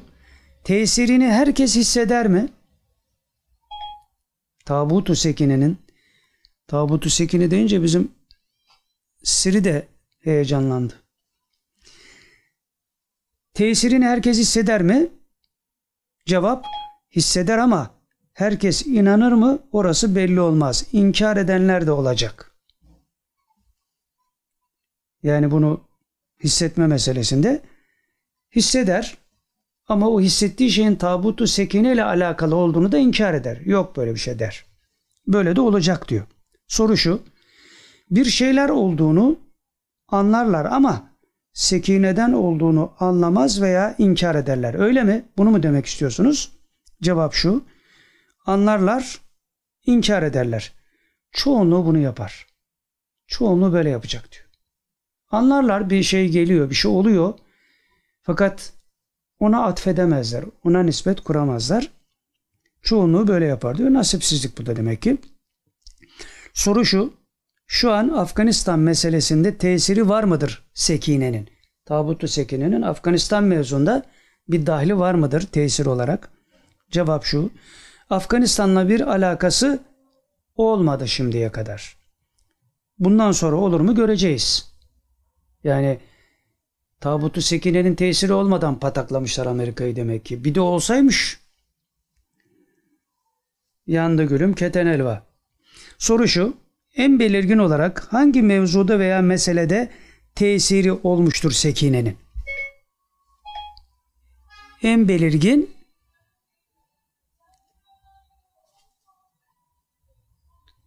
bu siri de çok hassas demek ki şeye tabut sekine kelimesine kaç sefer devreye girdi. Evet en belirgin olarak hangi mevzuda veya meselede tesiri olmuştur tabutu sekinenin? İşte burada ilginç bir cevap geliyor. Zaten başlığı da buna nispetle koymuştuk. Cevap şu. İstihbaratçıların iz sürmesinde ülkeye katkısı olmuştur. Türkiye'de istihbaratçıların iz sürmesinde tabutu sekinenin tesiri varmış. Yani bu tür şeylere inanan istihbaratçılar kanatlanır yani bundan sonra. Kanatlanmaları lazım yani. Evet. Soru şu Allahu Ekber dedikten sonra ilginç bir sahada tesir. Elhamdülillah. Başka var mıdır peki? Cevap şu. Bu yeter. Bunu bilin. Bildirdiklerimizin bildirdik bildirmediklerimizin bildirdiklerimiz bildirmediklerimizin zerresi kadar değildir. Yani bunlar bile bizi şahit ediyor zerresiymiş bildirdikleri. Bir de bildirmedikleri var. Onları bildirseler kim bilir neler olacak. Zerresi kadar değildir. Ancak diyorlar bize de bu kadar müsaade veriliyor. Yani bize müsaade edildiği kadar size söylüyoruz. Onlar sırrı tutabilirler. Biz tutamayacağımız için bize bir şey koklatmıyorlar yani. He, ama bu kadarına da şükür tabii ki. Ancak bize de bu kadar müsaade veriliyor. Bunları bildiriyoruz size diyor. Soru mahiyetinde elhamdülillah denilmiş ve mevzu bitirilmiş. Geldik 8 Eylül yine 2021. 2023 seçimleri ve büyük değişim. Başlık bu. Soru şu. 2023 seçimleri olur mu? Cevap olur, olacak, olmak zorunda. Soru şu. Peki sonucu? Cevap şu. Bu seçim büyük değişimlere sebep olacak. Mevla bu değişimleri inşallah hayırdan yana kılsın. İslam'a, Müslümanlara yapılan eziyetlerin son bulmasına vesile kılsın. Şimdi seçim seçim diye tutturanlar aslında bir yandan çok da korkuyorlar. Muhalefetin çığırtkanlığı yalan demek. Bir yandan korkuyorlarmış. Neden? Bu seçimden ne çıkacak diye. Tahminleri doğru çıkmaz diye böyle bir korku yaşıyorlar. Ve devam ediyorlar. Ne çıkarsa çıksın onların işine yaramayacak. İsterse seçimi kazanmış olsunlar. Yine işlerine yaramayacak. Alın size bir garanti. İstanbul'un Ekrem amcaya verilmesi gibi. Yani otobüse binmekten millet korkuyor. Hatta bir tevafuk oldu bak. Aklıma geldi anlatayım. Bir birkaç gün önce aklıma şöyle bir şey geldi. Bu otobüslerin yollarda kalması bilmem ne bir sürü hikaye tabii yaşanıyor. Bir perişanlık var. Dedim ki ben eğer karikatür çizmesini bilseydim şöyle bir karikatür çizerdim. Hani bizim Kastamonulara atfedilen bir şey var ya ayı düşe ayı çıkabiliyor, taş düşebiliyor diye. He. Eğer çizebilseydim bir otobüs çizerdim. Etrafta insanlar geziyor tabi. Oraya da şunu yazardım. Dikkat yani otobüse nispetle. Dikkat parça düşebiliyor. Çünkü ne olduğu belli olmuyor yani falan. Bundan iki gün sonra ya bırak parçayı iki tekerleği birden fırlamış gitmiş yani. Bir şeyi havada böyle internette var şeyleri falan. Ya dedim keşke birine çizdirseymişim be. Çizdirdikten sonra bu olsaydı güzel olacaktı yani. Böyle de bir tevafuk oldu. Evet ne çıkarsa çıksın onların işine yaramayacak. Yani azınlık batıcılar. Bunların işine yaramayacak. Müslümanların işine yarayacak. Her halükarda. İslam'ın sancağının yeniden dalganacağı devir başlayacak bu zamandan sonra. 2023'ten sonra. İslam'ın bayrağının, sancağının yeniden dalgalanacağı devir başlayacakmış. Onun için daha önce de söylemişlerdi. 2023'ün ya önü ya sonu. Bakalım hangisine denk gelecek. Soru Allahu Ekber denildikten sonra demek muazzam bir dönüşümün arefesindeyiz. Cevap şöyle geliyor. Mevla'nın izniyle inşallah. Ve ilginç bir şey söylüyorlar. Tin suresinin yani ve tini ve zeytuni suresi var ya incirden ve zeytinden bahseden sure. Tin suresinin sır ve havasına bakınız. Orada çok sırlar gizlidir. Büyük hadiseler haber verilir o surede. Soru şu, bakalım inşallah. Filancı himmet buyursun da o sırları görelim inşallah Allah'ın izniyle diye bir soru. Cevap şöyle geliyor. Mevla insanların algılarına işleyecek. Önümüzdeki zaman diliminde böyle olacak. Mevla insanların algılarına işleyecek. Durmuş beyinler bir anda işler hale gelecek. Uyanan, şey, uyanan uyanacak, uyanmayan uyumaya devam edecek. Yani nasibinde olmayana da bir şey yok. Soru şu, Büyük Doğu iptanın tezahürü böyle olacak demek. Yoksa başka türlü ümit kapısı yok. Böyle olacak demek. Onaylar bir duruş var. Yani sesli cevap değil, onaylar bir şekilde bir duruş. Yani evet öyle olacak diyorlar. 8 Eylül yine 2021. Afganistan'da gidişatı değiştirecek güç. Soru şu. Kabil havaalanında büyük patlamalar oldu. 100 kişiye yakın insan öldü. DAEŞ üstlendi. Nedir gidişat? Cevap, kendi aralarındaki kavgaları olan oradaki masum insanlara oluyor. Günahsızlar var idi orada. Soru şu, Afganistan'da gidişatı değiştirecek güç yok herhalde. Cevap, şimdilik yok, olmayacak bu gidişle. Elhamdülillah. Bu gidişle olmayacak demek ki. Soru şu, elhamdülillah dedikten sonra Allah Müslümanları hıfzetsin. Filancının ifadesiyle işte orayı geçiyorum. 313-370 meselesi yine daha önce bahsettiğimiz. Yani bu işler ne zaman hallolur gibilerinden bir soru. Cevap şöyle geliyor. Dediği sayı doğrudur. Bunlar ordulara hükmedecek donanıma sahip olan kişiler olacaklar. Emir alacak, emir verecekler. Emir aldıkları yer en üst makamdır. Burada kastedilen dünyalık makam değil. Parantez içinde o da belirtilmiş yani. En üst makam. Yani Genelkurmay Başkanı'ndan falan değil yani. Soru şu. Yani bu kadrolara mı tasarruf hakkı verilecek? Cevap inşallah. Allah utandırmaz. Böyle bir badireye giriliyor. Ayasofya'nın açılmasına inanıyorsan buna da inanacaksın. O da açılamazdı. Açılamazdı. Şimdi Kudüs'ten sonra da aynı şeyleri yapmayın bari yani. Hani Kudüs kurtuluyor ona da demeyin yani. Hani Ayasofya neyse geçtik de. Elhamdülillah. Küffarın halini görmüyor muyuz ya? Hali pürmelerleri ortada yani artık. Biraz gözümüzü açmamız lazım. İşte adam Müslüman adam böyle bir kimse bana Taliban'ın Müslüman olduğunu kabul ettiremez. Peh peh peh peh. ya biz zahire göre hükmederiz en azından. Adam diyor ki Hanefiyim, Maturidiyim, Nakşiyim. Daha ne diyorsun sen ya? Amerika'nın oyunudur tabi. Evet. 15 Eylül 2021'e geldik. Başlık şu. Afganistan ve ahir zaman Mehdi'sinin yardımcıları. Bir hadis-i şerif. El Burhan fi alameti Mehdi ahir zaman kitabından bir hadis-i şerif.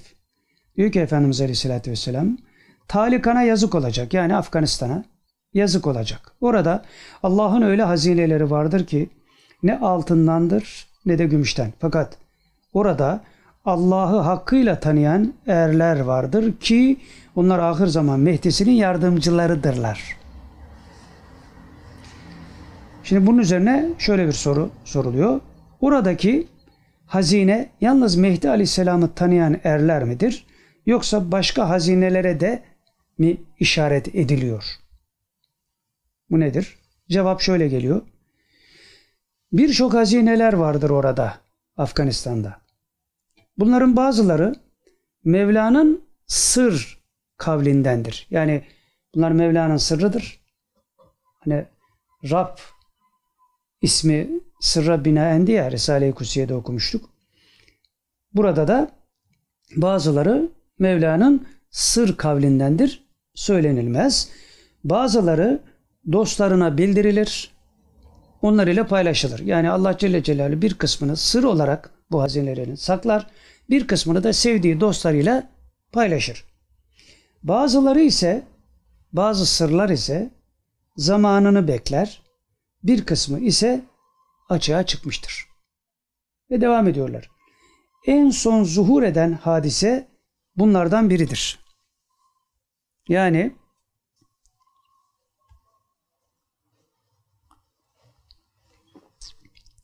en son zuhur eden hadise bunlardan biridir. Devam ediyorlar. Taliban'ın Amerika'nın baskı ve esaretine dur demesi. Açığa çıkanlardan biri buymuş oradaki sırlardan. Oradaki Müslümanların buna ayak uydurması.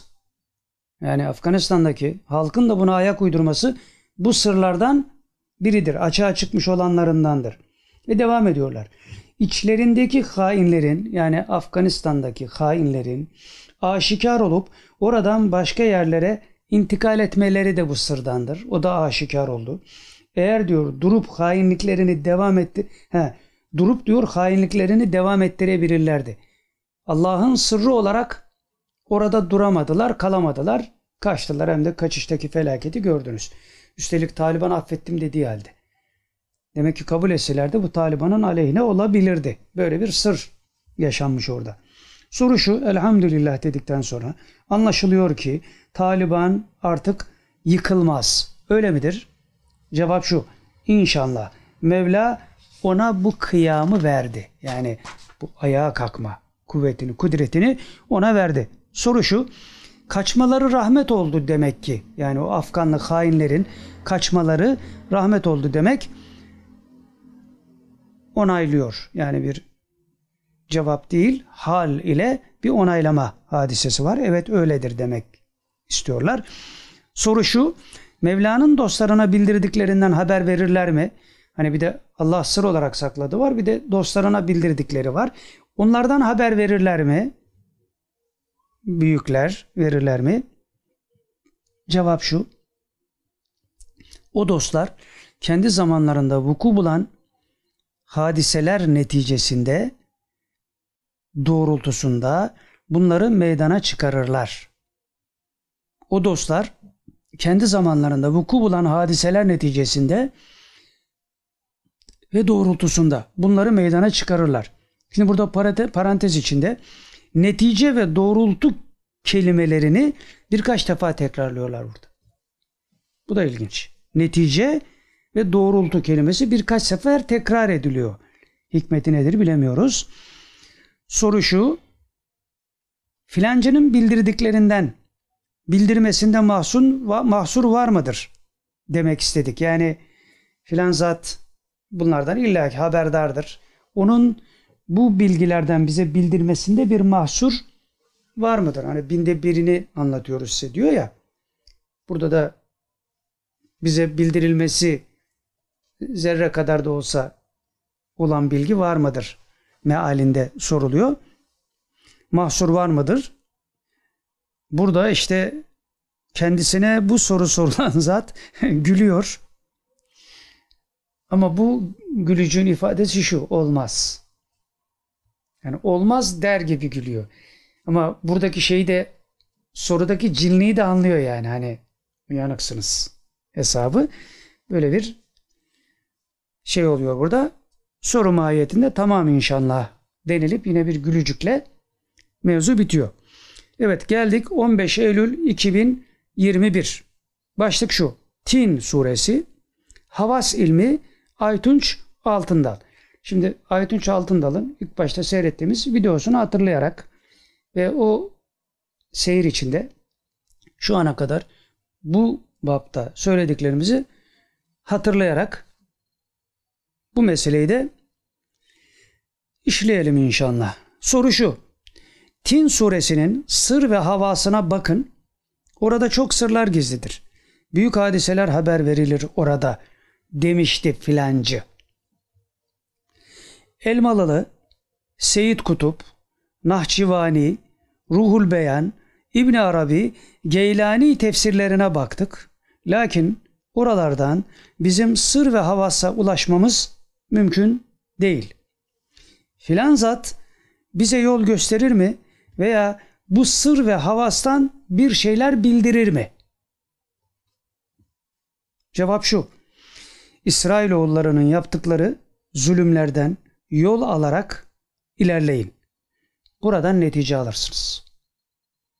Tin suresindeki sırları anlayabilmek için İsrailoğullarının Müslümanlara yaptığı zulümleri araştırın diyor. Soru şu. Buradan bugünkü İsrail'e de bir gönderme mi vardır? Cevap şu. Siz bakın. Onların evvelden beri yaptıklarını, İslam'a ve Müslümanlara karşı kurdukları tuzakları, yaptıkları hileleri araştırın. Tin suresinin sırları ortaya çıkacaktır. Soru şu. Tamam inşallah. Denildikten sonra bunun için okumamızı tavsiye ettikleri bir kitap var mıdır peki? Hani yolumuz açılsın. Kabilinden soruluyor. Cevap şu. Ömer Nasuh'u bilmenden başlayın. Soru şu inşallah dedikten sonra. Aytunç Altındal nasıl biridir? Cevap şu. Ona da bakın ama bu mesele ile alakalı bilgi bulamazsınız. Soru şu. Bu mesele ile ilgili sormamıştık zaten. Genel olarak nasıldır? Nasıl birisidir Aytunç Altındal? Yani burada bir yanlış anlaşılma olmuş demek ki. Cevap şu. Baksınlar. Yani okusunlar. Aytunç Altındal'ı okuyabilirsiniz. Faydası olur diyorlar. Soru şu. Aytunç Altındal Müslüman mı ölmüştür? Çünkü kitaplarında bazen abuk subuk şeyler var bazı kitaplarında. Ona binaen bu soru soruluyor tabi. Cevap şu. Mevla günahlarını affetsin, bağışlasın. Günahkardır ama imansız değil. Soru şu. Amin. Anlaşılmıştır. İyi bir araştırmacıydı. Havas ilmini Müslümanlar hatırlasın diye İsviçre'den döndüğünde Havas ismiyle bir kitap evi açmıştı. Cevap şu. Kendi alanında iyiydi Aytunç. Kendi alanında iyiydi. Soru şu. Havas konusunda derinliği var mıydı peki? Cevap şu. Anlıyordu fakat derinliklerinden haberdar değil idi. Buna meraklıydı. Merakı kadar anlıyordu. Yani Aytunç Altındal'a da bu yol kapalı. Ama Batı'nın bu konuda neler yaptıklarına dair bilgiyi de ondan öğreniyoruz. Çünkü o Batı'da yaşarken bunları çözmüş. Gayretli bir adam, zeki bir adam, dürüst bir adam. Ama derinliklerinden yani hava ilminin derinliklerinden haberdar değildi. Şimdi buradan şu çıkıyor. O derinlikli değilse bugün onun çırağı diye televizyonlarda olanların hiç haberi yok. Bunların hallerinden belli zaten hiç anlamadıkları da bu mevzulara da girmek istemiyoruz tabii ki. Değildi. Buna meraklıydı. Evet burada soru mahiyetinde anlaşıldı. Denilip bu hadise de bitirilmiş. Şimdi 15 Eylül 2025 başlık şu. Bizi de çok şaşırtan bir hadise olduğu için başlığı öyle koyduk. Bir hadisi şerif ve müthiş bir tevil. Yani böyle bir tevil olamaz. Yani abartmak için söylemiyorum. Şimdi okuduğumuzda hadiseye vukufiyetleri olan anlayacak. Riyazu Salih'inden bir hadis-i şerif. Birinci cilt 258. sayfa. Şöyle diyor Aleyhisselatü Vesselam Efendimiz. Sizinle Beni Afşar arasında sulh olur. Barış olur. Sonra onlar müşahedeyi bozarlar ve 12 bin kişilik 80 fırkalık bir kuvvetle üzerinize yürürler. Nakleden de Hazreti Af İbni Malik radıyallahu anh. Soru şu bu hadis-i şerif üzerine. Bu hadisin vuku ne zamandır? Yakın mıdır? Ve hangi devletin askerleridir kastedilenler? Burada kastedilen hangi devletin askeridir? Bu zamanda mı olacaktır veya olmuştur bu iş? Soru bu. Cevap şu. İsrail ile Filistin arasında yapılan anlaşmalardan bahsediyor burada. Bugün yani bugün. İçinde bulunduğumuz dönemi anlatıyormuş bu hadis-i şerif. İsrail ile Filistin arasında yapılan anlaşmalardan bahsediliyor burada. Defalarca vuku bulmuştur bu mevzu. Defalarca yaşanmış yani bir sefer de değil. Bazı hadislerde şimdi bak işte şaşırtan taraf burası. Hani hadisler zaman üstü mana ifade eder diyor ya kumandan hazretleri. Zamanla kayıtlı değil. Zaman üstü mana ifade eden irfana, unsur üstü manaya sıçrayamadıktan sonra hadislerin ve ayetlerin hakiki manasını telaffuz etmek mümkün değil. Bu da ilimle alakalı değil, halle alakalı. Dolayısıyla yine kalplerin mutmain olmasıyla alakalı bir mevzuyla karşı karşıya kalıyoruz. Zikirle bir erginlik, oradan kalbe düşen halavet, oradan irfan, oradan ihsan derken bu hakikatlerle hal ifadesinde karşılaşmak. Başka çaresi yok zaten. Öyle sallamakla, uydurmakla falan filan olmuyor. Hani bir program yapalım televizyonda, ilginç şeyler söyleyeceğiz falan. Ne ilginci sen bu işten anlamazsın ki. Hangi ilginçlikten bahsediyorsun? Yani hadis-i şeriflerin zaman üstü mana ifade ettiğine dair bir itikadın yok zaten. Veya bir şeyin yok. İstidadın yok diyelim. Şimdi diyorlar ki bazı hadislerde rivayet edilen hadiseler dünya üzerinde meydana gelmez. Hadi buyur. Yani Allah Resulü şöyle şöyle olacak diyor. Fakat Ehlullah diyor ki Allah Resulü'nün söylediği bazı hadiseler dünyada meydana gelmez diyor.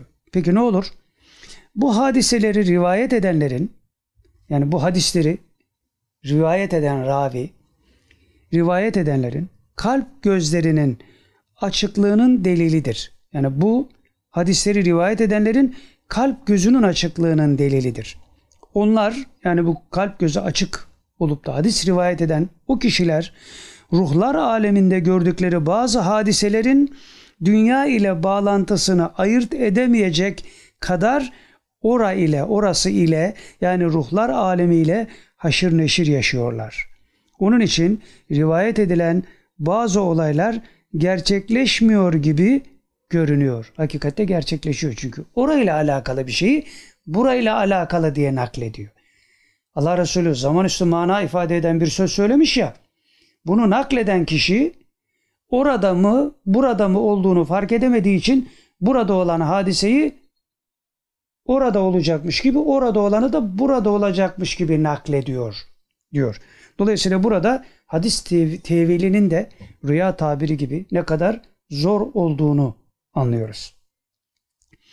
Halbuki bunların bazıları ruhlar aleminde yaşanıyor, bazıları ise dünya üzerinde yaşanıyor. Bunu onlar ayırt edemediği için bu tür hatalar yaşanıyor demektir. Şimdi İsmail Hakkı Bursevi Hazretlerinden bir şey nakletmiştik. O da bizi çok şaşırtmıştı. Keşifte yanılma payı var derdik hep. Öyle biliyorduk. Kitaplardan öyle okumuştuk. Keşifte yanılma payı yüzde beş, yüzde on neyse duruma göre. Halbuki diyor ki keşifte yanılma payı olmaz diyor. Keşfi tabir edenin yanılma payı olur.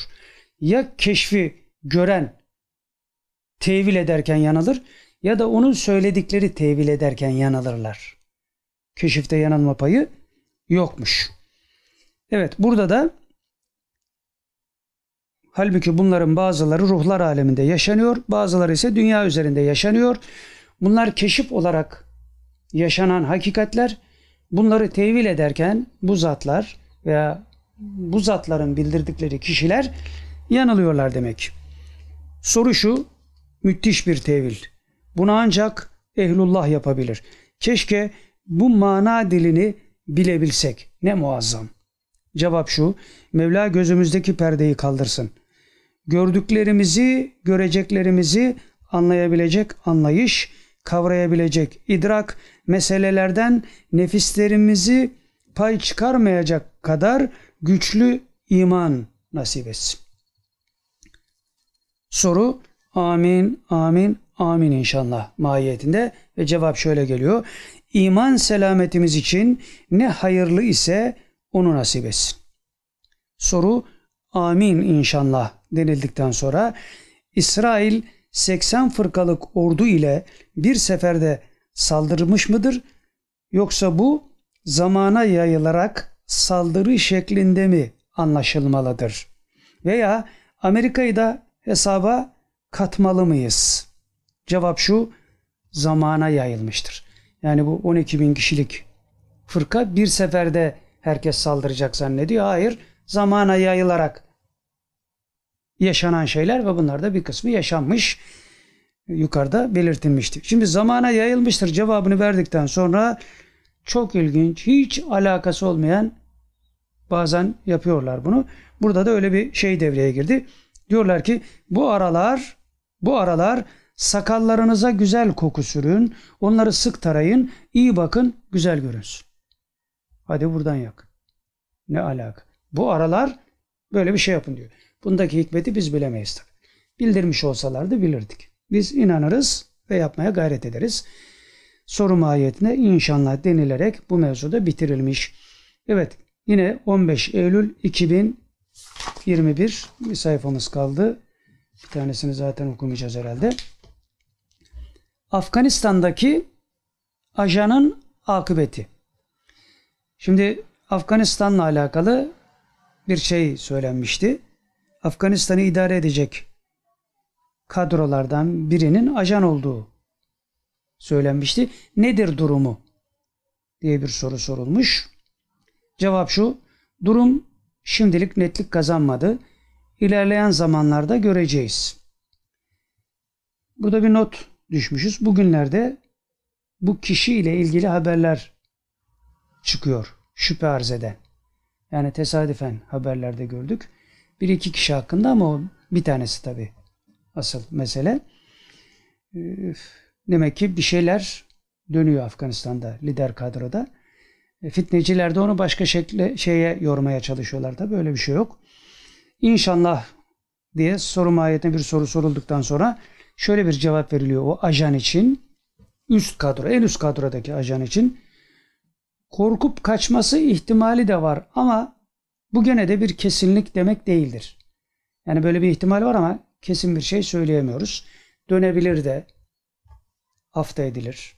Ayrı bir olay. Ne olacağını bilmiyoruz. Bakalım ne olacak. Evet 15 Eylül 2021. Başlık Deccal, korkaklık, duhan, tevil. Yine Riyazu Salih'inden bir hadisi şerif. Efendimiz Aleyhisselatü Vesselam buyuruyor ki Deccal'ın önü sıra hüdaalı seneler olur. Yani hileli seneler olur ki yağmur çok yağar fakat nebat az olur. Bugünkü gibi. Devam ediyor Efendimiz Aleyhisselatü Vesselam. Sadıklar tekzip olunur. Yani iyi insanlar kötülenir. Yalancılar ise tasdik olunur. Haine itimat edilir. Emin ise hain addedilir. Ve Rüveybiza söz sahibi olur. Denildi ki ya Resulallah Rüveybiza nedir? Buyurdu ki kendisine itimat olunmayan ve kıymet verilmeyen kimselerdir. Bunlar ön plana çıkar. Kıymetsiz insanlar ön planda olur. Af İbni Malik radıyallahu anh'ın naklettiği şey. Şimdi bunun üzerine şöyle bir soru sorulmuş. İçinde bulunduğumuz zamana denk geliyor mu bu hadisi şerif? Geliyorsa hangi safhasındayız? Deccal'ın çıkışına çok mu yakınız yoksa şu an Deccal görevini icra mı ediyor? Cevap şu. Evet yakın zamandayız. Deccal'ın çıkmasına az zaman kalmıştır. Soru şu. Mevla şerrinden emin eylesin. Tam çıkış zamanında neler olur?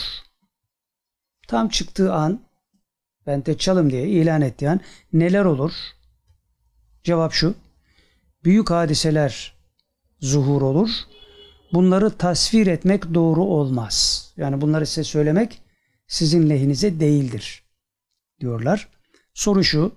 Müslümanlardaki kafa karışıklığı, umutsuzluk, korkaklık da Deccal'ın tesiri ile midir şu an? Cevap şu. Bunun tesiri şimdi yarı yarıya var ama ilerleyen zamanlarda çoğalacak. Yani önümüzdeki dönemlerde Deccal vazifesini yapmaya başladığında ki Mehdi Aleyhisselam sonra gelecek. İlk önce Deccal. Dolayısıyla onun dönemi yakın olduğu için onun ortaya çıkışından sonra da bu şeyler yani kafa karışıklığı Müslümanların umutsuzlukları, korkaklıkları daha da artacak diyor. İşte burada amentüye devam etmek lazım. Demek ki onun için tavsiye ediyorlardı. Amentu billahi ve melaiketi ve kütübi ve rasulü ve yevmil ahire ve bil kaderi hayri ve şerri min Allah Teala vel ba'du ba'del mevt hakkun eşhedü en la ilahe illallah ve eşhedü enne Muhammeden abdu ve resul. Bunu çok okuyun ki bu şeylere dücar kalmayasınız demek istiyorlar bize. Bu da onun için tavsiye edilmiş. Öyle anlıyoruz şimdi. Bu söylenenlerden. Evet bunun tesiri şimdi yarı yarıya var ama ilerleyen zamanlarda çoğalacak. Soru şu. Mevla zaaflardan korusun ümmeti inşallah. Birine biri şöyle demişti. Şeyden sonra e, Covid'den sonra duhan var denilmişti. Öyle midir? Cevap şöyle geliyor. Bir ihtimaldir. Yani kesinlik yok. Bir ihtimaldir. Mevla bizleri korusun, günahlarımızı bağışlasın. Şimdi soru şu. O kişi bilgiyi alırken bir eksiklik mi oldu acaba? Yani e, bunu nasıl anlayabiliriz eğer bir eksiklik olmuşsa? Nasıl oluyor da orada böyle söyleniyor, burada böyle söyleniyor? Cevap şu. Eksiklikten değil. O kişiye de öyle söylendi. O kişi doğru söyledi. Ama buna rağmen diye şer düşülüyor. İşte oradaki inceliklerle alakalı. Eksiklikten değil ona da öyle söylendi. Soru şu. Söyleneni tevilde söyleneni tevil etmede bazen aksaklık olur mu? Bursevi Hazretleri keşifte yanılma olmaz, keşfin tevilinde yanılma olur diyor. Tevilde yanılmanın sebebi velinin ilmi veya makamıyla mı alakalıdır? Bu yanılmalar nasıl oluyor? Cevap şu. Tevilde yanılma idrakte eksiklikten kaynaklanır. İdrakte eksiklikten kaynaklanır. Şimdi buna bir misal verelim. Yine Bursevi Hazretlerinden zannediyorum bu. Öyle hatırlıyorum. Mesela idrakı geniş olan bir kişiye idrakle alakalı velilik tavrı lütfedilir. Fakat idrakı daha az olana ibadet lütfedilir. Yani çok ibadet eden bir veli görürsün. Bir de ona nispete daha az ibadet eden bir veli görürsün. Birinciye idrakı öbürü kadar çok olmadığından dolayı ona ibadet lütfedilmiştir. Öbürüne ise idrak lütfedilmiştir. Dolayısıyla irfan konusunda birinciden çok daha ileridedir. Bunun misali de Efendimiz Aleyhisselatü Vesselam'ın Hazreti Ebu Bekir radıyallahu anh'ın misal vermesi gibidir. Onun üstünlüğü diyor sizden daha çok ibadet etmesinden kaynaklanmıyor. İdrakıyla alakalı diyor. Dolayısıyla çok ibadet eden bir veli az ibadet eden bir veliden üstün olmayabiliyormuş demek.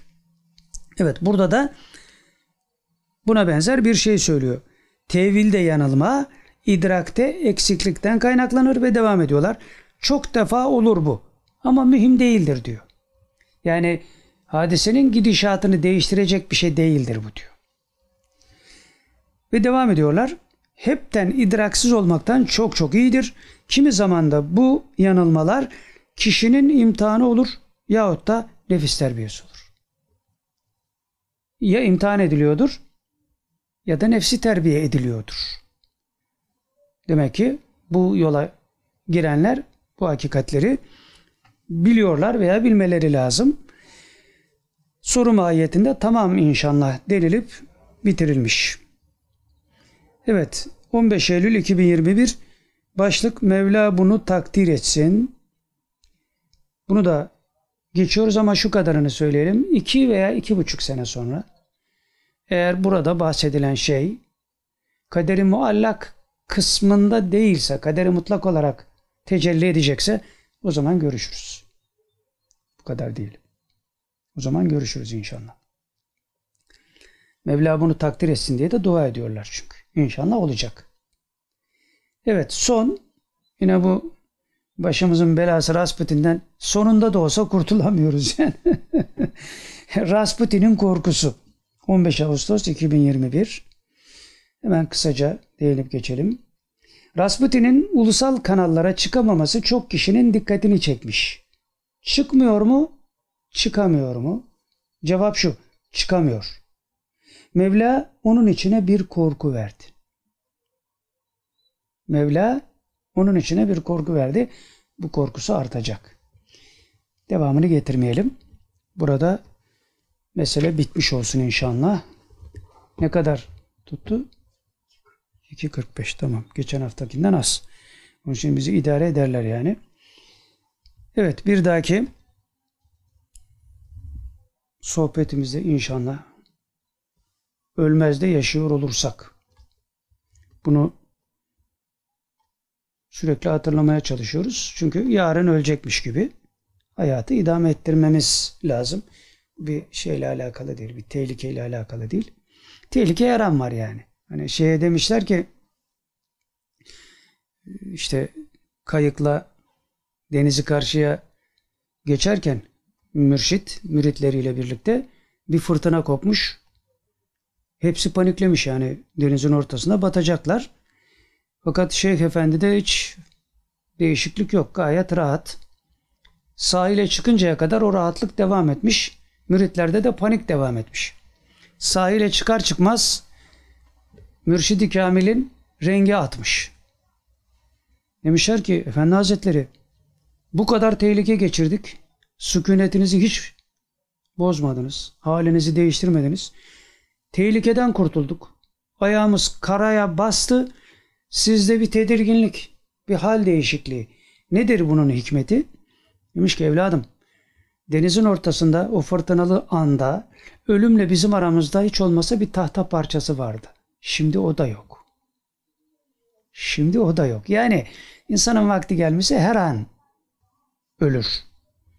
Böyle bir şey yok. Onun için yarın ölecekmiş gibi biz bunun için veliler şey der mesela. Namaza başlarken bu benim son namazım diye niyet ederlermiş. Bize de onu tavsiye ederler. Bu son namazım benim. Bundan sonra namaz kılamayacağım. Dolayısıyla bu namazın kıymetini bilmem lazım. Belki de bu son namazla cenneti Rabbim bana bahşedecek düşüncesinde olmak lazım. Bu arada bir daha üstüne basa basa söylüyorum. Faydasını çok fazla gördüğüm için söylüyorum.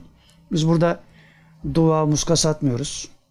Kefen de satmıyoruz, yanmaz kefen. Pabuç da satmıyoruz falan filan. Bunlarla alakası yok. Sakın karıştırmayın. Bu tavsiye edilen Amentü'yü çok okuyun. Yani hiç okuyamayan, hiç okuyamayan sabah üç defa, akşam üç defa okusun. Hiç okuyamayan diyorum bakın. O kadar kıymeti haiz bir durum söz konusu. Bir de son bak kitabı buraya koydum. Unutmayayım diye az daha unutuyordum. Bununla bitireyim. Şimdi bu kitabı daha önce göstermiştim size bir vesileyle. Şimdi bir daha göstermek zorundayım. Bu sefer vesilesi farklı. Çünkü bu kitabın yazarı olan Doktor Esragül Battal Bayraktar hanımefendi ile alakalı bir mesele e, söylediler. Dolayısıyla benim yaptığım hata olarak söylediler. Canım sıkıldı. Yani öyle bir şey yok tabii ki. Öyle düşüncemizde hiç yok da belki bedi zevki incitecek şekilde bir şey yapmış olabiliriz. E, o da şu, bu kitaptan bahsederken ilk bahsettiğimizde bu işte bu hanımefendinin doktora tezi Münir Derman Hazretleri ile alakalı çok müthiş bir eser. Okumanızı tavsiye ederiz. Tabi yine Rasputin gelmesin aklınıza. He, bizim öyle bir derdimiz yok. Ee, bir vesileyle anlatıyoruz bunu. Biz bu hanımefendiden bahsederken ki Şener Battal'ın kızıdır. Yani Milli Selamet Partisi döneminde parlamentoda olan milletvekili Şerer Battal beyefendinin kızıdır. Kendisi Amerika'da yaşıyor hanımefendi. Biz bahsederken ilk bu kitabı anlatırken hangi vesileyle anlatmıştık onu da bilmiyorum da aradığım şeyleri de bulamadım. Yani nasıl bir hata yaptım diye bulamadım yani doğrusu. Orada bahsederken hanımefendiden kadın ifadesini kullanmışım. Yani hani kadın ifadesi kötü bir şey değil tabi. O ayrı bir olay ama cümlenin içinde sanki e, hafifseyici bir şey gibi olmuş. Yani haşa tabi böyle bir şey yapmamız mümkün değil ama böyle anlaşılma ihtimali belki vardır diye o işi düzeltmek babından söylüyoruz. Öyle bir şey asla zaten kitabını bize bastırdılar. Biz bastık karşılıklı teşekkürler edildi falan. Yani böyle bir şeyin asla olması mümkün değil. Eğer olduysa özürlerimizi beyan ediyoruz. Ama duygularımızda, düşüncelerimizde asla böyle bir şey olmaz, olamaz. Dolayısıyla bunu da son devir mutasavvıflarından Doktor Münir Derman Hazretleri Hayatı, Eserleri ve Tasavvufi Görüşleri kitabını bir kez daha hem hatırlatmış olduk. Öyle böyle velilerden değil. Sakalsız veli görmek isteyen bu kitabı okusun. Yani sakalı küçümseme manasına söylemiyoruz. Sakal ayrı bir mevzu. Onun için temin muhaverelerde ne denilmişti? Bu ara sakallarınızı tarayın, koku sürün. Bu ara diyorlar. Demek ki bir şey var yani. Dolayısıyla Mevla idrakımızı cümle müminlerin idrakını bir buçuk iki milyar İslam aleminin idrakını artırsın inşallah. Kafir ve münafık taifesinde ıslahına vesile olsun. Bu idrak inşallah. Islahları mümkün değilse de Allah'a havale ederiz onları.